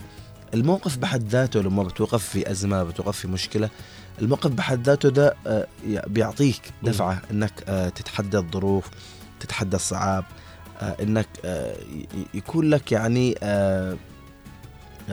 شخص يسندك وقت الت- التحديات وقت الصعوبات. بالنهاية أنت أكيد يعني هو بيمر بموقف ثاني بعد فترة لا قدر الله مرض آه، وفاة أزمة نفسية معاناة خرج من عمل فأكيد أنت بتسنده يعني. أكيد. أحمد بسألك أنت زي ما وجهت لي السؤال أنا بوجه لك السؤال من أكثر شخص يرد السؤال بسؤال. آه، من أكثر شخص آه، والله شوف بقول لك حاجة. لما توقع بأزمة يتصل لك كذا بدون أي أكيد. اتصالات منك أو بدون بقول ما بقول لك شيء شوف. توضح له شيء. بقول لك حاجة. لكل مواقف أشخاص مم. بقول لك آه. بس آه طبعا أكيد بالنهاية صدقنا آه الأهل يعني أحيانا ممكن ما فيش حاجة بطريقهم مم. يعني الأهل دول هم القمة مم. فأكيد لما بتكون آه، في أزمة في أي تحدي أي صعوبات مم. أكيد الوالدة ربي يعطيها العافية إخواني أخواتي زوجتي بعدين يعني بشكل عام الأسرة سبحان الله والأهل آه لا غنى لك عنهم وهم أصلا هم اللي بيسندوك بعدين يقول أصحاب والاصدقاء وربما زملاء العمل كمان مم. صراحة أكيد آه يعني نحن بالنهاية بيئة واحدة و آه، أسرة واحدة مع بعضنا يعني و آه، يعني بالنهاية أنا قد أمر بتجربتك فلازم ان أنا أنا أقدم لك شيء زي ما قلت أنت أنت قلت يعني حاجة حلوة إنه مش كل شيء مادي يعني في أحيانا أشياء والله بتضل في الذاكرة مم. وبا آه، يعني تخلد مم. يعني أما قد قد بعضهم يقول لك لا أنا يعني يمكن الجانب المادي عندي شيء أساسي مم. والله أنا أشوف إنه مش أساسي صح إنه أحيانا أحيانا آه في أمور تحتاج إنها تكون آه ماديات مم. يعني ب يعني ب خصوصا إنه نحن نمر بظروف الآن في البلد هذه وكذا. فاحيانا الجانب المادي يسندك يساعدك مم. بس صدقنا والله مش كل شيء مش كل شيء فعلا لأنه بينتهي وب- وبيبقى له اثر بيبقى أثر الكلمة الطيبة أثر التواصل أثر الوقوف. آه لا قدر الله معك مرض بيجي آه يعني آه وفاة بيجي بيسندك بيساعدك بكذا بكذا. فسبحان الله والله في مواقف يعني لأن ربما أنت كمان تتذكرها أنا أتذكرها. كل من يتابعنا ويستمع لنا بيتذكر إنه الآن بدأ يعمل عصف ذهني إنه. صح والله فلان يوم كذا كذا اجى كذا كذا فسبحان الله حتى أنت تتخلد هذه المواقف في ذاكرتك. وتتخلد هذه المواقف آه، في ذهنك فسبحان الله لا شعوريا. يعني تبادل هذا الشخص اللي وقف معك آه، تبادله بشعور مختلف تبادله بإخلاص بوفاء. حتى هو لما بيوقع له ظرف قد هو ما بيتكلمش أكيد يعني. وانت ربما كمان أنت ما بتتكلم بس بتضطر إنك تروح لأنه ما قصر معك لما وقعت في أزمة آه، مشابهة. أحمد حتى على المستوى ال- النفسي بما إن موضوعنا من هو أول شخص يبادر إنه يتصل لك حتى على المستوى ال- النفسي لأنه آه، البشر طبايع و وأنفس وكل واحد له شخصية معينة فقد البعض يتحسس أحمد لما ما فيش أحد يبادر له. لما يرفع هو السماعة أكيد. يقول يا صاحبي يا أخوي يا عمي يا خالي أنا والله وقع لي واحد اثنين ثلاثة فينكم؟ مهم. مشكلة بعد مشكلة مشكلة بعد مشكلة أزمة بعد أزمة والشخص هذا هو اللي يرفع السماعة ويتصل. صحيح. أعتقد إنه بيجي في وقت من الأوقات يقول لك أنا من لي أنا ضروري أرفع السماعة وفي كل حاجة برغم انهم يمكن يكونوا آه، يعرفوا في الموضوع. و- ويسمعوا عن الموضوع لكن ما فيش حد يبادر. فبتجي لحظات إنه خلاص يقول لك أنا بعيش أزماتي وبعيش مشاكلي لنفسي. ليش أنا عادني بضلي؟ أتصل صحيح. أبحث عنهم. بدل ما هم يبحثوا عني عفوا بهذه الظروف بهذه المشاكل هم يبحثوا عني ويدعموني ويكونوا الجانبي. فأقول لدى الشخص إنه آه، برضو مهما قدر الإمكان لأنه يمكن لديهم ظروف معينة عشان ما نكون س- سلبيين أو أكيد، نح- أكيد. نحط اللوم لأنه يقولوا حجة الغايب معاه نعم. و... فقدر الإمكان حتى لو ما فيش أحد مثلا يسندك أو يتواصل معك صحيح وضح مشاكلك صحيح. وظروفك وكذا مش عيب أو نقص أكيد بلا شك صالح الوضع الوضع سبحان الله. كمان آه يعني ال ال ال ال الوضع يحتاج إنه آم، نعذر الوضع نحتاج إنه نقدم حسن الظن أمس تكلمنا عن حسن الظن. كمان يعني جد يعني حسن الظن مقد يجب أن يقدمها في هذه الأيام ما تدري الواحد إيش ظروفه يعني سبحان الله آه يعني الجانب الاقتصادي الوضع الخدمي آه هذه كلها انعكست علينا مم. يعني والله يعني تلاقي الواحد مسكين يخرج من بيته وهو يفكر كيف بيجيب لقمة لأولاده. وزوجته كيف بيوفر لهم خدمات كيف بيوفر لهم مش عارف إيش. إنه بصراحة ال- ال- يعني ال ال الواقع مرير مم. فأحيانا سبحان الله يعني يضطر إنه يقصر مثلا في آه علاقاته في تواصله مع أصحابه مع حتى مع الأهل. مم. يعني بالذات اللي هم الآن يتزوجوا يخرجوا بيوت لحالهم. فتلاقيه مثلا حتى يقصر مع أهله أبوه وأمه إذا كانوا على قيد الحياة. آه ف يعني أحيانا ظروف الحياة هي اللي تجبرك. فعلا. ال ال الواقع يجبرك فتروح تجري وراء أشياء أساسية اللي المفترض تكون آه متوفرة. فالواحد برضو يقدم العذر وي- ويعني إيش؟ ما خلاص ما ياخذش في خاطره. يعني أحيانا لكل واحد ظرف صدقنا. بالنهاية أنا عارف إنه لو كان يقدر والله هو بيبادر أول واحد. مم. فلازم نحن نقدم حسن الظن ونقدم أيضا إنه التماس الاعذار فعلا. التمس- لأخيك سبعين عذرا زي ما يقال. فعلا. ومش شرط إنه هو لما يتصل عليك حتى حاول أنت قدر الامكان انك تتواصل معه. كمان آه، أعتقد إنه أحمد آه، كذا كجانب آه، نفسي ومعنوي. لما الواحد يحس إنه مهم آه. فهمت مشكلة. آه إنه في ناس حواليه في ناس تهتم صحيح. لمشاكله لأزماته آه تهتم لظروفه صحيح. المعينة. فهذا الشيء صراحة كل إنسان طبيعة وغريزة فينا سبحان الله يعني خلق الإنسان إنه إيش يكمل حياته مع الآخرين. وغريزته ومشاركاته وحياته صعب إنه يكملها لوحده. أكيد. فيحتاج الآخرين بأي حاجة. صعب إنه الإنسان يكون لوحده يا أحمد. فهذا حاجة ما تدخلش العقل ولا ولا المنطق. كمان يا أحمد إنه كل ما الإنسان حس إنه أنا مهم أنا موجود حس بكيانه مهم. شخصيته إنه هو عنصر مهم عند أصدقائه عند أصحابه عند زملائه عند عند أهله. فلما بيوقع له المشكلة على طول الناس على طول تبادره. يمكن يكون لو حتى كان شخص واحد بس يكفي. فهذا الشيء كمان بي- بيعزز من قيمة ال- المحبة والتواصل. المجتمعي. صالح أحيانا صدقنا أحيانا ال- الإنسان المهم ده اللي يتكلم عنه. أحيانا في وقت الأزمات والله ما حد التفت له. مش عارف والله. أنا يعني أتكلم عن يعني في كثير أعرفهم يعني من هذه ال- النوعيات. آه، مش مش عارف يعني يمكن هو لأنه خلاص شاف نفسه هو المهم. آه، البقية هوامش. ف ف يعني أذكر مرة واحد من الشباب كذا إنه. كان هو هكذا يعني إنه هو آه، يريد الناس حوله وهكذا و يعني من منظور آخر طبعا مم. فعندما يقع في أزمة أو شيء ما فيش حد يبادر معه لأنه هو خلاص يشي الناس هي تتواصل معه وما يتواصلش مع حد فربما يعني من نظرة أخرى زي ما ذكرت. فأحيانا الأهمية تكون آه، من جانب آخر يعني. فيشعر بنقص يشعر بأنه أوه أنا بيوم من الأيام أنا كنت كذا كذا ليش ما حد تواصل معي؟ طيب يا أخي راجع حساباتك راجع آه علاقاتك. آه يعني فتش سبحان الله. الإنسان طبيعته خطاء. إحنا اليوم يعني مشكلتنا إنه الواحد مننا يعني لما يوقع في خطأ مش يعترف إنه غلطان. يكابر. يا أخي اعترف عادي مش مشكلة.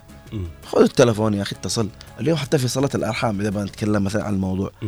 آه، يعني تلاقي معك قريب هنا أو هناك أو مثلا أقرب الناس لك من أرحامك. ما تلاقيه من سنين ما يتصل حتى تلفون يا أخي لا تروح عندهم بس بادر إنه يعني سبحان الله تفقد هل هو مريض هل هو كذا كذا هل هو خصوصا إنه قلت لك الآن نحن في وضع مزري في الجانب الاقتصادي والمعيشي وكذا صدقنا والله أحيانا الكلمة تغني عن ألف يعني آه، آه، جانب مادي. مم. فعلا أحمد آه، أحيانا مش شرط إني بوقف مع صاحبي بسافر لعنده ولا بشق الطريق أو بوقف لجانبه. لا أحيانا الوسيلة كمان سهلت اليوم. مواقع التواصل الاجتماعي موجودة واتساب اتصالات صحيح. موجودة. أحيانا يمكن وقوفك معه باتصال بسيط يعني يغنيه صدقني يا أحمد عن أشياء كثيرة بيحس بوجوده وبكيانه بيحس إنه مهم كمان يمكن بيتجاوز كثير من ال- المطب هذا اللي يحصل له أو المشكلة هذا اللي حصلت له. بيتجاوزها. من خلال اتصال واحد من قريب له صاحب الفصالح آه بس في رسالة جت من آه أم رهف اللحقي تقول كسرت النفس مؤلمة فمهما كانت ردة فعلك حتى أن تكسر قلب شخص أن الله سيسألك آه يوما عن عين أبكيتها وعن قلب أوجعته وعن روح كنت سببا في فقدها لأمانها واطمئنانها. آه كمان أم عبد الله تقول السلام عليكم صباح الخير أحمد وصالح ونوار يسعد صباحكم أني دائما لما تصادفني أي مشكلة هم أهلي وأكثر شيء تدعمني أختي الكبيرة الله يحفظه سواء مادي أو معنوي وطبعا زوجي الله يحفظه. خميسكم سعيد يعطيك العافية أم عبد الله وربنا يحفظكم ويديم. ألفتكم وتواصلكم طبعا آه، صالح في اتصال معنا. آه، كمان نذكر نعم المستمعين. نذكر المستمعين بأرقام الهاتف. 20 11 15 و 20 17 17 فعلا. ورقم الواتساب أكيد 715 929 929 9 ونستقبل أول اتصال في حلقتنا. السلام عليكم. وعليكم السلام. كيف أستاذ أحمد؟ يا مرحبا. تحية لك وصالح ونوار المدني وجميع الطاقم. حياك الله. يعطيكم العافية. حياك الله عوض آه، يا احمد أنا سعيد جدا بالخبر حق حق الخيمة. أكيد. الله يعطيك العافية. هذا اول لأنه وصل. في ال في ال في ال يعني اواخر شعبان في وقت سموه آه، آه، الوقت الذهبي الساعة الذهبية. أيوه. يعني استوى فيه تنافس واستوى فيه رخص كثير. يا سلام. و- واصحابها ضبط خاصة المعلة شوف ال- الخيمه اللي في المعلة أيوه اللي عند صوامع. أيوة، ولا أخذوا ريال من التجار. يعني وجود وجود بضاعتهم مجان يا سلام جميل.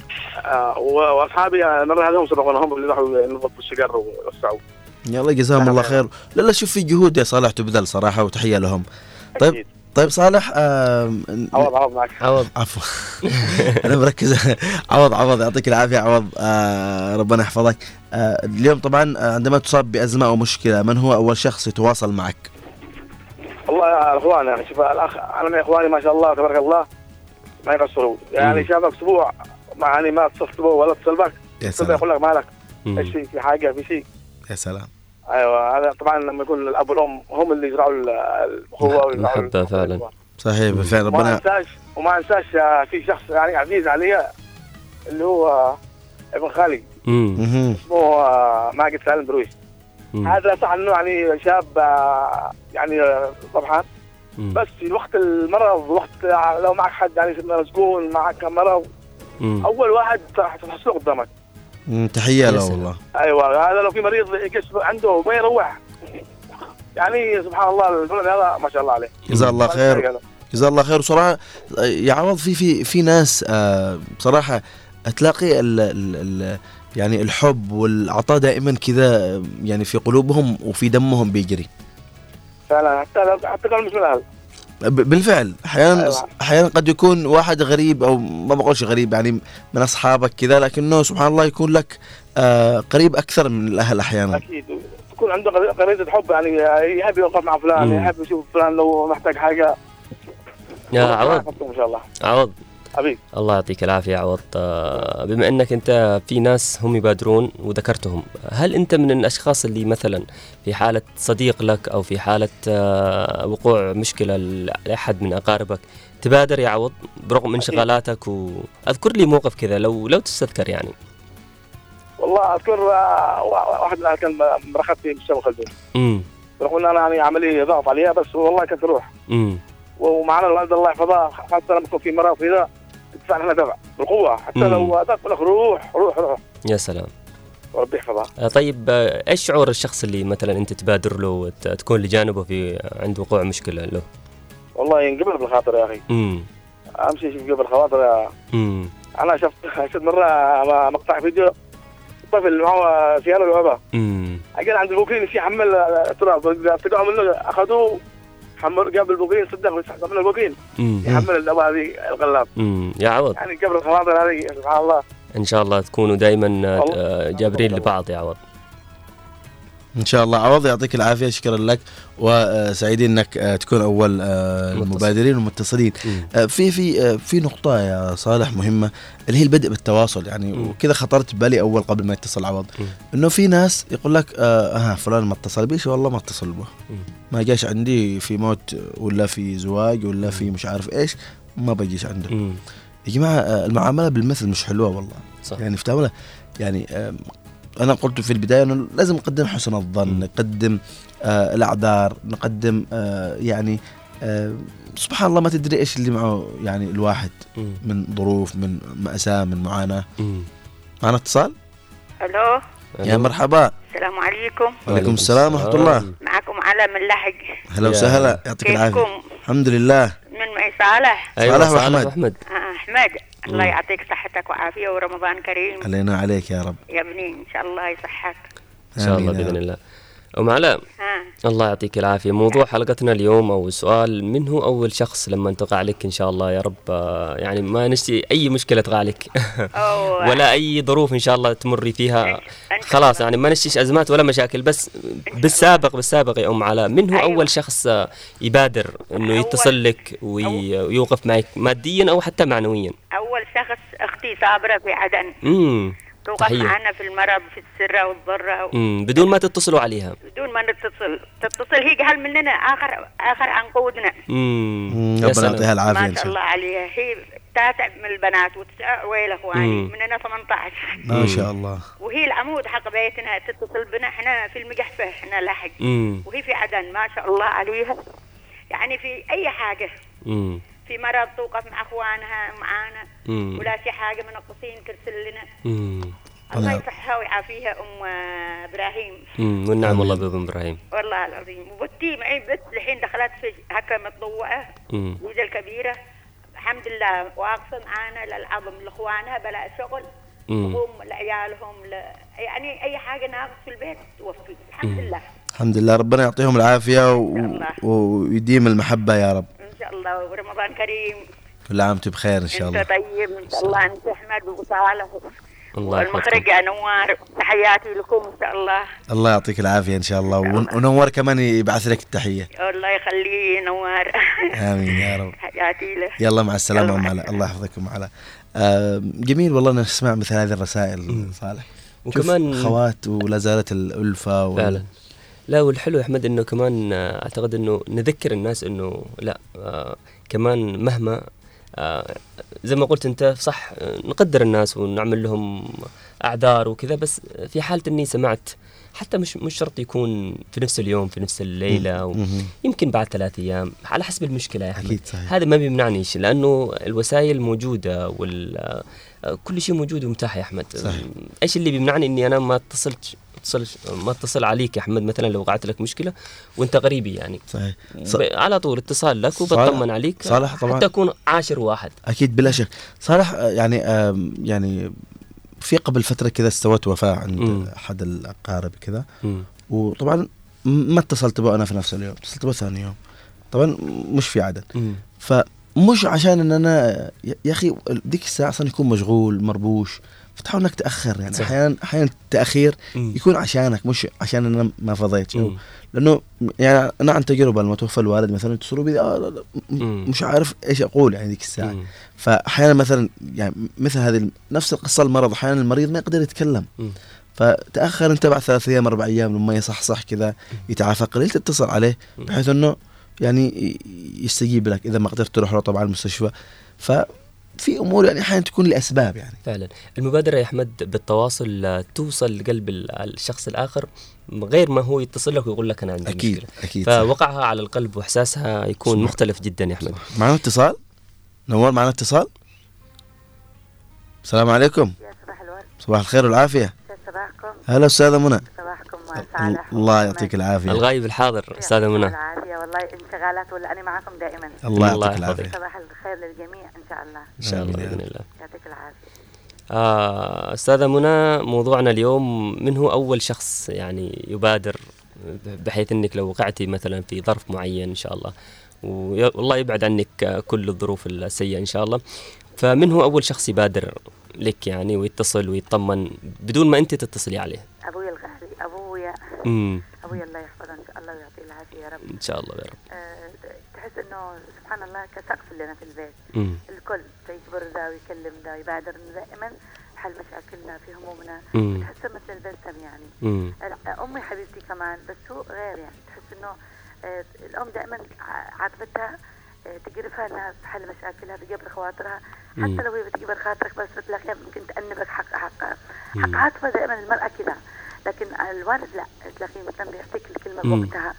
آه، هي حتى جبر الخواطر يا أحمد وصالح لازم تكون بوقتها يا سلام. لازم تكون بوقتها ال- ال- اللي, اللي أنت مثلا تحطها بالوقت المناسب لما أحيانا ما تكونش في وقتها خلاص آه، ما عادش تلك القيمه اللي هي تكون آه، تعطيك ال- ال- الإحساس الجميل أو ت- تبعد عنك الهم صحيح. كذا فنحن نقول هنا حتى الأطفال كمان لازم نكون نعلمهم كيف انهم يكبروا خواطر بعض عشان يعزز فيهم ويخليهم دائما آه، حاسين إنه قبل الخواطر حتى في كلمه في موقف في زيارة في هدية بسيطة في إيحاء بسيط.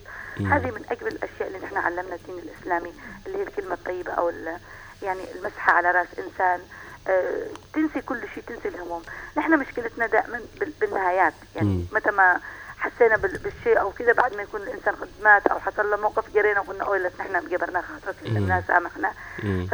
فكثير من الأشياء تندرج تحت جبر الخواطر أو المبادرات اللي هي التسامح الألفة الكلام الطيب. آه ويمكن نعززها كثير في بيوتنا بالذات قلت لك مع الأطفال. مم. ليش؟ لانهم هم منهم آه، نحن لاحظت كثير في الفترات الأخيرة مم. هم أكثر آه يعني أكثر فئة تلاقيها ت- ت- تبدأ تتشكل فيها هذه الشخصية. آه بتلاقيه زعل مع صاحبه بتلاقيه حصل موقف. أنت تعلمه إنه كيف هو يبادر. ليش. لأنه نحن نقول لا خلي له حاله. آه، جاهل زعله صاحبه. علمه إنه يكون قوي. لا. أمر جبر الخواطر والتسامح والكلام الحلو والمبادرات. أنت لما تبادر تكون قوي معناته عندك إنسانية معناته عندك عاطفة معناته أنت بتصلح أنك أنت تكون في هذا الموقف دائما. لا يمكن يكون الإنسان المبادر أو اللي يجبر الخواطر. سواء من أهلك أو من أصدقائك. أحيانا زي ما ذكرت يكون من الأصدقاء صح. مش من الأهل. فجبر الخواطر هي إنسانية قبل كل شيء. فعلا. ونتمنى تكون موجودة عندنا. وعلى فكرة لولا يعني نحن متعندين وبعيدين عن هذا الشيء ما وصلنا للي وصلنا له في مجتمعاتنا. فعلا. لو نحن على طاولة واحدة ونتقابل كذا ونبادر ونتصل ببعض حتى على مستوى السياسي والعام يعني مع الأسف. صحيح. شكرا جزيلا. ربنا يعطيك العافية أستاذ منى يعطيك العافية. دائما أستاذ منى بتتحفنا بالطرح الجميل. صالح بالفعل يعني أستاذ منى ذكرت نقطة إنه أحيانا آه، تأخر ال- ال- المبادرة أو جبر الخاطر عن وقته برضو يعني طبيعة الإنسان إنه يشتي واحد الساعة يجبر خاطره. اهتمام. آه، صحيح سبحان آه، الله. ازرعني باهتمامك. يا أخي بعدين هي آه، قلوب هي إيه، قلوب. فعلا. هي قلوب. يعني أحيانا سبحان الله آه، مش مش أحيانا ابتسامة بتجبر خلل كبير يعني مثلا صح. يعني. فكيف إذا كانت كلمة كيف إذا كان تواصل وقت شدة وقت أزمة. فبجد والله ربنا يجعلنا إن شاء الله دائما الإنسان مرهف الإنسان مرهف الإحساس وإنسان صدقني مهما وصل لمرحلة من المراحل اللي هو مثلا يكون مكتفي فيها بس آه، في شيء عنده يكون في نقص اللي هو إيش؟ النقص ال- النقص هذا اللي هو الفراغ إنه لازم يكمله إنسان آخر بحياته صحيح. مهما كان وصل. لمرحلة من مراحل ال- والكلمة الطيبة كمان صدقها يا صالح. فعلا. آه، في معنا رسائل في الواتس؟ فعلا من أم احمد بتقول صباح الخير على الجميع. يعني تقصد إنه إنه أول شخص يبادر معها هو الأخ أخوها. السند وسندي تقول بعد أبي رحمة الله عليه يحب علينا أن نعزز صلة الأرحام. آه، انتشار خبر آه، الأقارب عقارب لا ندري من الذي زرع هذا ال- المثل بين الناس ولماذا أصبح القطيع بين الإخوان أمر عادي. المشكلة الم... هو يعني إيش؟ هم يقولوا من الأقارب عقارب. يعني طب مش كل التجارب يا جماعة سيئة. في. رسالة ثانية صالح؟ لا هذه رسالة مش في موضوعنا. فعلا. إذا هي صباحية ممكن؟ طيب عموما آه آه نحن لازلنا نستقبل اتصالات عبر ارقام الهاتف 20 11 15 20 17 17 صالح آه في رسالة في آه فيسبوك. طبعا مم. مجدي شايف الاخرام يقول دمتم بخير تقدموا ما يعطيك العافية مجدي. آه وبن شايف آه يقول بالتوفيق. طبعا. ورساله كمان من عماد محمد الردفاني بيقول أستطيع أن أقول أن أبي وأمي هم الوحيدون الذين وقفوا معي في الماضي ويقفوا معي في الحاضر وسيقفوا معي في المستقبل. إن شاء. الله ربنا يعطيهم العافية. كذلك لا أنسى أخي الذي دائما اجده بجانبي كيف لا وهو الأب الثاني والصديق المقرب والسند وقت الضيق. كذلك بعض أصدقائي باستثناء الأصدقاء المزيفون اصدقاء المصلحة الذين يظهرون وقت الرخاء. ويختفون وقت الشدة. خالص التحيه يعطيك العافية يا عماد. آه، ذكر نقطة مهمة كمان عماد اللي هم الأصدقاء المزيفون. آه ويا أكثرهم أحمد آه، أستاذة منى ذكرت حاجة كمان حلوة إنه لما أبوها أكثر شخص بيبادر معاهم. وكمان المتصلين ذكروا إنه أول ناس هم أهلهم وأقاربهم صحيح. بيتواصلوا معاهم. كمان ده الشيء إذا لم يتعلم الإنسان الفكرة هذه إنه في شخص لما تقع لي مشكلة هو هو يبادر. كمان أنا قدر الإمكان إني بحاول أجعل هذا الفكرة أو أجعل هذا الموضوع آه، ينتشر ما بين في موضوع التربية. صحيح. آه، نعلمهم مبادئ وأخلاقيات حلوة. مثلا بقول له شوف أنا الآن وقعت لنا مشكلة يا ابني تمام؟ معنا اتصال معنا اتصال فعلا. بنعود إن شاء الله ونواصل. مرحبا. السلام عليكم ورحمة الله وبركاته. وعليك السلام. السلام ورحمة الله. أستاذ أحمد كيف حالك؟ حياك الله عم محمد. الله يحفظك ربنا يخليك. آمين وإياك إن شاء الله. إيش اليوم الحلقة؟ اليوم طبعا يا عم محمد آه، عندما تصاب بأزمة أو مشكلة من هو أول شخص يتواصل معك؟ شوف يا أستاذ أحمد شوف الوزع الديني يلعب دور. يا سلام. داخل الأسرة. مم. متى ما ادوا حق الله سبحانه وتعالى تحسهم متراحمين بعضهم البعض. لكن مع احترامي لهذا الوقت اللي جينا الآن فيه أصبح أكثر الناس أمة مادية المادية قضت على كل شيء. الرحمة أصبح غير موجودة مم. حتى بين الأولاد و- ولا- لكن كلها على التربية من البداية. صحيح. صح يا أستاذ أحمد ولا لا؟ نعم صحيح. الراحمين يرحمهم الله. نعم من لا يرحم لا يرحمه الله. صحيح. إذا الإنسان مفصول- مع الله ما يعطيش حق الله كيف عليه يعطي حق الاب حق الاب اللي ابوه لأنه مفصول مع الله كيف تكون مع الآخرين؟ مم. صح ولا لا؟ نعم. معناته من لا يرحم لا يرحم والراحمين يرحمهم الله. مم. فنحن قلت لك المشكلة وما في أحنا في هذا الزمان اصبح أمة مادية الآن. شوف كم بالمحاكم الناس تتضارب على البيوت ولما يموت الاب قد ضارب اليوم الثاني يقسموه إلى آخره. عم محمد عم محمد؟ أيوه. الله يعطيك العافية والصحة ونقول لك صباح الخير. فنحن نريد منك إنه شعورك لما تقع لك مشكلة أو يقع لك ظرف معين لما يتصل عليك أخوك صديقك شعورك لما في أحد يبادر معك تو على طول في نفس اللحظة بدون ما أنت تتصل له كيف كيف اثره النفسي عليك يعني؟ شوف مش كل شيء الأشياء المادية أشياء أيوه أنا هذا اللي اللي أنا أقصده يعني صح أنت ذكرت أشياء وكذا لكن أنا اشتي الجانب مشاعرك كيف تكون في لحظتها يعني؟ أقول لك لما يبادروا يتصلوا بك. أنت هذا أكثر أحسن من الماد- المادية. أكيد. المعنوي أفضل. امم فهذا المشكلة ما فيها بس أقول لك إن ال- الآن أصبحوا الناس كلها بالماديه لا لا خلي خلينا من المادة عم عم محمد. أنا اشتي شعورك في اللحظة اللي مثلا حد يتصل عليك وأنت واقع في مشكلة؟ أعتقد إن أنت وقعت في كثير من الحياة دائما فيها حلو ومر. الحاجات المرة اللي وقعت لك أو المشاكل آه شعورك لما في أحد يوقف معك ويتصل لك أو يكون لجانبك بدون ما أنت تتصل له. إيش شعورك. أوصف لي شعورك عم محمد. خلينا من الماديات والأمور الثانية الوضع. فاهمينه هذا كله. يا أستاذ مم. احمد خلوا احسن الموقف هذا لما يوقف معك في هذه المواقف. مم. فانت ما تنساها طول العمر. يلا. فعلا. يعطيك العافية عم محمد. شكرا لك عم محمد. أم آه، صالح عم محمد ذكر نقطة مهمة. اللي هي الوازع الديني. صحيح الت- التربية الت- التربية أو الوازع الديني له دور كثير أحمد في معنا اتصال؟ تعزيز الألفة والمحبة وصلة الأرحام. السلام. عليكم. السلام عليكم وعليكم السلام. كيف حالك أستاذ أحمد هلا هلا أستاذ أحمد مليكان صباح الخير الله يحفظك يعطيك يا العافية. أستاذ صالح كمان الله يعطيك العافية آه في موضوع كذا شوية بنخرج منه مم. يا أخي في بعض ال- الناس مم. مشاكل بين فلان وفلان يا إيش يعمل؟ مهم. يروح يتصل من كابينة أيوه على أساس إنه بيتصل الكابينة إلى بيت الشخص هذا مهم. فيتصل آه إلى بيت فلان. تجاوب الزوجة. إيش في من أنت؟ وكذا يقول لها شوفي زوجك حصل له حادث وحالته خطيرة. أيوه. يفاجئ الأسرة حق الشخص هذا. والكلام كذب. آه. شوف كيف.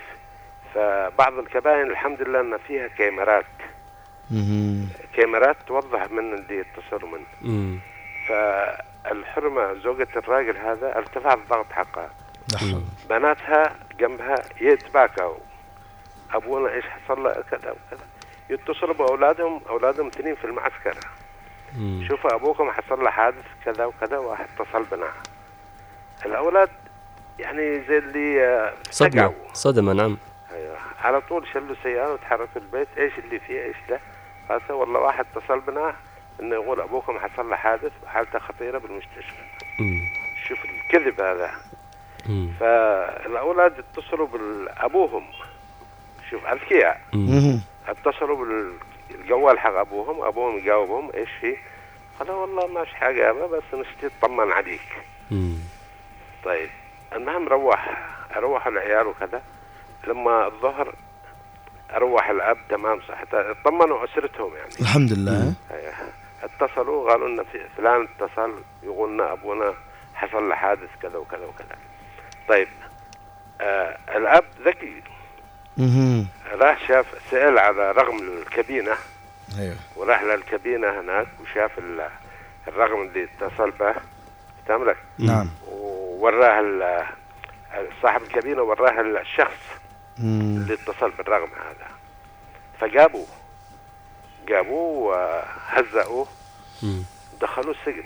مم. طيب أستاذ يعني أستاذ حماد شوف بالله عليك يعني لا هذا قد... حصلت هذه حصلت شوفها مم. مش كذا أنا أقصد شوف لا قدر الله الام ارتفع بها الضغط لا قدر الله هلا- تو... هلا- تو... هلا. لا لا لا قدر الله توفت ولا شيء في أنا ذيك ما أنا ما كلمتك ارتفع بها الضغط ذيك الساعة ودوخت مم. مم. ارتطمت على الأرض وبناتها شلوها ويتباكوا لا حول ولا قوة إلا شوف بالله شوف كيف الكذب يعني يا عم أحمد أيوه الله يعطيك العافية أنت اليوم جبت لنا قصة كذا إن شاء الله تكون آه، آه، يعني آه، مؤثرة وكمان مؤثرة. وعبرة تكون. وعبرة تكون لأن حصلت هذه مم. والراجل سجنوه على الأقل شهر كامل يستاهل يستاهل عم احمد آه، موضوع حلقتنا اليوم موضوع كذا خفيف آه، بيوم الخميس أيوة. آه، من أول شخص آه، يبادر معك في حالة إنه يحصل لك مثلا ظرف معين أو مشكلة معينة والله والله في أصدقاء زملاء معي تواصلوا معي بالتلفون مم. وكلام مؤدب يعني امم يعني إيش مهذب على أساس إنه ما مش مخيف.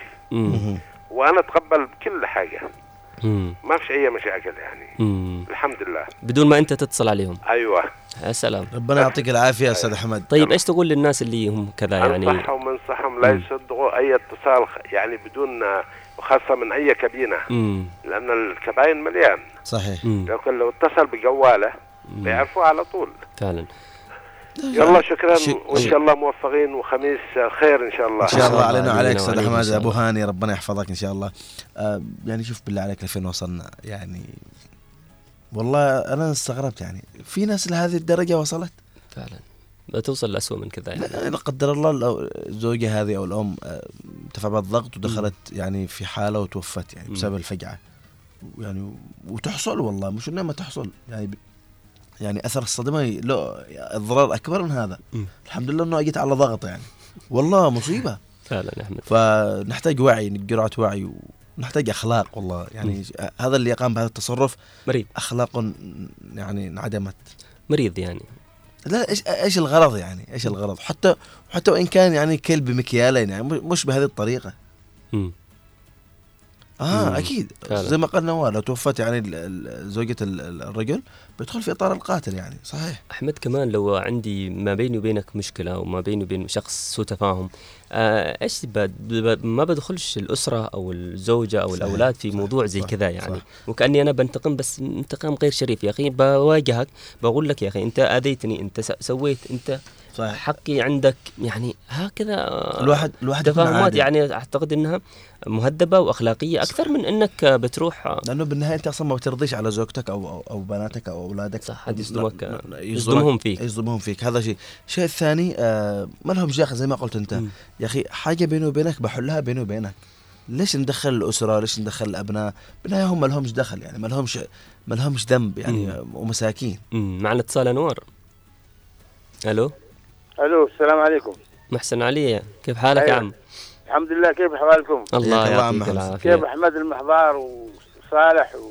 والله تمام الحمد لله. أنا بخير وصالح وال- بخير. والم... والمخرج آه، نوار. نوار المدني. تحياتنا لكم جميعا. الله يعطيك العافية يا عم محسن. الموضوع الموضوع حق اليوم صراحة موضوع حساس جدا يعني. امم موضوع حساس يدخل في الإحساس يدخل في العلاقات الاجتماعية. أعطينا إحساساتك يا عم محسن.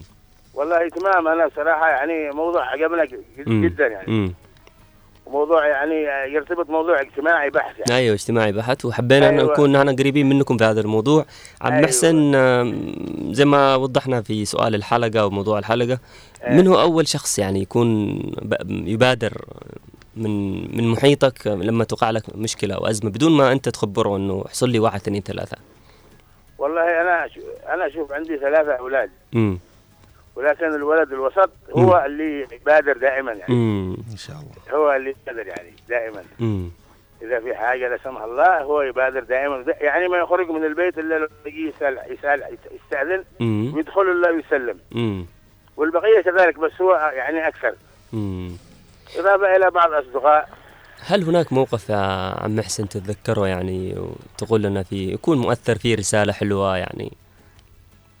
آه بالنسبة لل- في الحياة يعني. أيوه في الحياة. مثلا حصل لك موقف معين وبدون ما أنت تت- تتصل على هذا الشخص أو تخبر الناس إنه حصل لي واحد اثنين ثلاثة تعالوا الحقوني تعالوا وقفوا معي. لا. هم هم هو شخص بادر وذكر لنا الموقف يعني. والله موقف أنا كنت أنا شغال في المستشفى في مم. المستشفى الرازي. امم وبعدين حصلت مشكلة داخل المستشفى لما مشكلة. الصوت يتقطع محسن أيوه. مشكلة و ف متابع بيني وبين المستشفى هو الولد هذا كذا فقط يعني. امم معه فقط وجلس يقلب كذا يقلب يفك شميزي دي يقول لي مالك يقول لا مالك. يقول له امشي تأكد من أبوي لو وقع في حاجة ولا شيء. إيش وقع إيش وقع في المستشفى؟ ما عاد سمعناك مع انقطاع الصوت.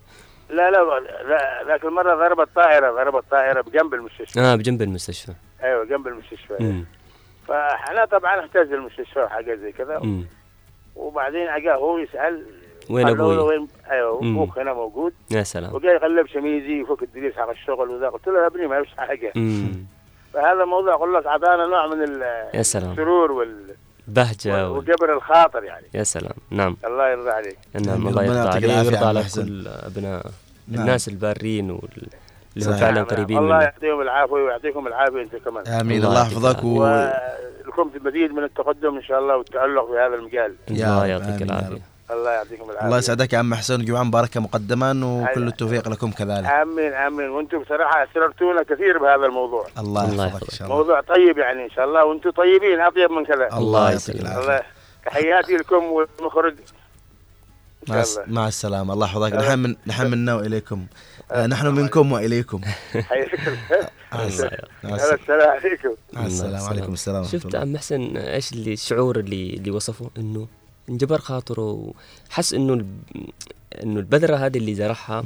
أو أبنائه اللي رباهم يعني في شخص منهم قريب منه ويتحسسوا رغم انه يمكن البقية قريبين منه بس في شخص كذا. دائما أحيانا. الأبناء يكون شخص قريب من من الأب أو من صحيح. من الأم صحيح. يكون قريب بشكل فاحس إنه بشعور رائع وجميل ووصف شعوره حتى كذا وكأنه أمامي تخيلته بالفعل مم. يعني حتى حتى أنا استشعرت كذا إنه في سبحان الله في قرب يا صالح سبحان الله ال- صدقنا التربية الطيبة واصحاب الأصل الطيب بيظلوا. رغم إنه والله في ناس طيبين بس للأسف أحيانا آه، الشيطان الصحبة السيئة شوف. مر على دين خليله فلينظر أحدكم من يخالل أو من يصاحب. آه، أحيانا الصاحب يعني بيأثر يعني نذكر كلنا اللي درسناه في المدرسة الليمون العاطبة أعطبت ما جاورها ف يعني أحيانا الواحد يكون إنسان أخلاق وطيبة وكل شيء يتعرف على واحد سيء الخلق أو مثلا واحد عاق بوالديه واحد قاطع رحم بيأثر عليه بيأثر على علاقاته مع الآخرين خلاص يعني فبيصبح يهمل. ما, ما نخليش السيء يسيء لنا ما نخليش السيء يجر لنا إلى السوء. نحاول قدر المستطاع إحنا نتمسك على المبادئ على التربية اللي تربينا عليها قدر المستطاع. فعلا مهما كانت بعض التجارب السيئة مع الآخرين ما بنخليه شيء خلاص هي تتحكم في حياتنا أكيد. وإنه إنه الحياة كلها سيئة وإنه التجارب كلها سيئة والعلاقات كلها سيئة أبدا هذه تجربة بسيطة من التجارب الحياتية اللي, اللي يمر فيها الإنسان يا أحمد فكمان أعتقد إنه عملية ال- مثلا الآن آه، عم محسن هذا لو عنده حفيد. ويشوف آه، ابنه كيف يعامل جده يعني. فأعتقد إنه زي ما قالت الأستاذة منى إنه ده الشيء بيأثر على على تربية ال- تربية ال- الأولاد صحيح، و- صحيح. والأسرة كامل بيصبح في جو من ال- من الرحمة والت- والتعاطف آه، والمبادرة آه، بدون ما أنا أس زي ما تقول بدون ما هو ما يتصل لي أنا بتصل وأنا ببادر صحيح يا صالح في نقطة مهمة اللي هي التربية بالقدوة مم. يعني أنا م- متى ما كنت أنا قدوة حسنة وقدوة طيبة لأبنائي شاف أنا ابني أن أنا أتصل بأختي مم. أتصل بأخي أتصل بأقاربي بينشأ على أساس أنه في تواصل في اتصال. متى ما شاف الابن أنه والله أمي ولا أبي مطنشين ما هم سائلين على حد مم. فأكيد أنه هذه برضو بتنشأ عنده أنه آه، مش سائل يعني. فليش أنا أسأل؟ فعلا. إذا كان فهذه أنواع من التربية يسموها التربية بال- بالقدوة. أو بالأية. آه ترويه إنك تعمل ذا الشيء. لكن أنت ما تعملش حاجة وتشتي يطلع آه مستحيل. حتى في مسألة البر يعني بالوالدين. واحد يشتي ابنه يبره وهو كان عاق بوالديه ولا؟ فطبيعه الإنسان إنه يخطأ لكن برضه ما ما نكررش الخطأ ما نستمرش ما نكابرش. فبالنهاية هي أمور مترابطة صالح. فعلا. أحمد آه، أعتقد إنه نحن وصلنا لختام ال- الحلقة. ختام الحلقة ختام الأسبوع. أو ختام الأسبوع كمان مع نوار الله يعطيه العافية. آه، أحمد آه، أهمية ده الشيء. إنك توقف مع شخص أو تبادر بدون ما يتصل لك. والله شوف صالح آه، صح إن ذكرنا وذكروا المتصلين أشياء كذا حلوة ومهمة لكن أهمية ده الشيء بالنسبة لك و... والله شوف أهمية هذا الشيء أول شيء بيعزز المحبة مم. و- والعلاقات الاجتماعية مم. بت بت بتزيد يعني وبتتعمق مم. آه ثاني حاجة بتلاقي أنه آه آه الشخص اللي بيوقع في مأزق هذا بيعطيه كمان دافع آه نفسي مم. إنه إذا كان مريض مثلا يشتي له أسبوعين بالعلاج بيتعالج بأسبوع لا. بجد والعلاج النفسي هذا نعم. آه له أثر كبير على صحة الجسم يعني. يعني أحيانا تلاقي واحد آه مريض والجانب النفسي برضه تعبان مم. صدقنا أحيانا يتعالج نفسيا آه، يتعالج جسديا بسبب إنه آه، عالج الأفكار اللي عنده الوهم ال- ال- ال- أحيانا الجانب المادي بيقيس يهم والله أنا من فين بجيب مصاريف العلاج لكن لما أحيانا تتدبر فالشغل النفسي بيروح بيختفي مم. فبتلاقيه على طول. فعلا. آه زي ما لها أهمية كبيرة وأثر كبير. فعلا. أحمد زي ما قلت وقعها على النفس حلو لأنه أعتقد إنه أنا لو حد اتصل لي مثلا إنه لو مريت بوعكة صحية اتصل لي شخص بدون ما أتصل له أنا بدون ما أسوي حالة. فبتصل لي سمع كذا إني أنا مربو اتصل لي. أعتقد والله يا أحمد أول ما تنتهي المكالمة بقول أنا الآن بخير خلاص. صحيح. يعني وقعها النفسي والدعم النفسي هذا مهم جدا. من ضمن الأشياء المهمة يا أحمد. أنت قلت حالة. آه، بالفعل. يعني أحيانا إحنا ما في كثير ناس عزيزين تضطر إنك تطرح حالة في الواتساب فهم بيدخلوا يسألوا عليك أيوه. ولو ما تكلمت يزعلوا. يزعل فتضطر إنك تعمل حالة خلاص. يلا خلاص. يلا شوفونا أنا مريض. أنا مريض. ربنا يحفظ الجميع إن شاء الله بإذن الله. ويجنب. الناس كلها يا أحمد من الوقوع. بالمشاكل لأنه مش ناقصينهم مشاكل وظروف سيئة. صدقنا والله برضو نحن نحتاج برضو مراجعة أنفسنا قدر مم. المستطاع. ونبادر. أيوة نكون. مبادرين دائما أيوه إذا كنت أنا مقصر يا أخي اعذرنا ونصحح قدر المستطاع. والإنسان طبيعة نفسه عنده يعني نقص عنده آه، تقصير عنده جوانب ضعف. شوف ف... أحمد آه أنا بقربك شوف. في يوم من الأيام ممكن الأسبوع الجاي مثلا حصل لي ظرف معين أنا ما حضرتش البرنامج الصباحي. سهل. آه. بنتظر منك اتصال. ألو صالح فينك اليوم؟ ما ما, ما حضرت معي البرنامج. إيش اللي يحصل لك؟ وينك؟ وين رحت؟ بتصل بك الفجر الساعة 6 أقول لك فينك؟ أنا لك بالباص ما هلكش. بقول لك مثلا حصل لي واحد اثنين ثلاثة. لا أنا منتظر منك عاد اتصال ثاني تطمن علي. هذا كجانب عملي. بقينا نور بنجيب لك عصير. عموما صالح الله يعطيك العافية أحمد واستمتعنا خلال هذا الأسبوع بهذه الباقه البرامجية باقة البرنامج صباح الخير يا عدن مواضيع متنوعة وناقشناها وإن شاء الله إنها لقت الفائدة للمستمع وللمتابع يا أحمد. نعم صالح أنا كمان سعيد إن أكون برفقتك الأسبوع الثاني على التوالي وإن شاء الله مستمرين, مستمرين. الأسبوع القادم يوم الأحد نلقاكم في حلقة جديدة وموضوع مواضيع جديدة ومتجددة بإذن الله تعالى. آه بيكون قد عدى نصف أول من شعبان. يعني إن شاء الله ربنا يبلغنا آه رمضان في خير وعافية. آه تقبلوا تحيات أحمد المحضار من الاعداد والتقديم رفقة صالح. عبد المانع. وكذلك نقول إيش أحمد؟ هلا بالخميس. وهلا بالخميس. وكذلك آه نشكر زميلنا نوار المدني من الاخراج الهندسة الصوتية ومن المكتبة والتنسيق محمد خليل ومن الاخراج التلفزيوني أحمد محفوظ ومن قسم البلاي أوت حسن السقاف. كل الشكر لكم الزملاء الأعزاء وكل الشكر على حسن الإصغاء والمتابعة للمستمعين والمشاهدين. دمتم مدام الوطن بألف خير. والسلام عليكم ورحمة الله, الله وبركاته. يا حبيبي سعد صباح الصباح نور وبهاء. يا حبيبي سعد صباح الصباح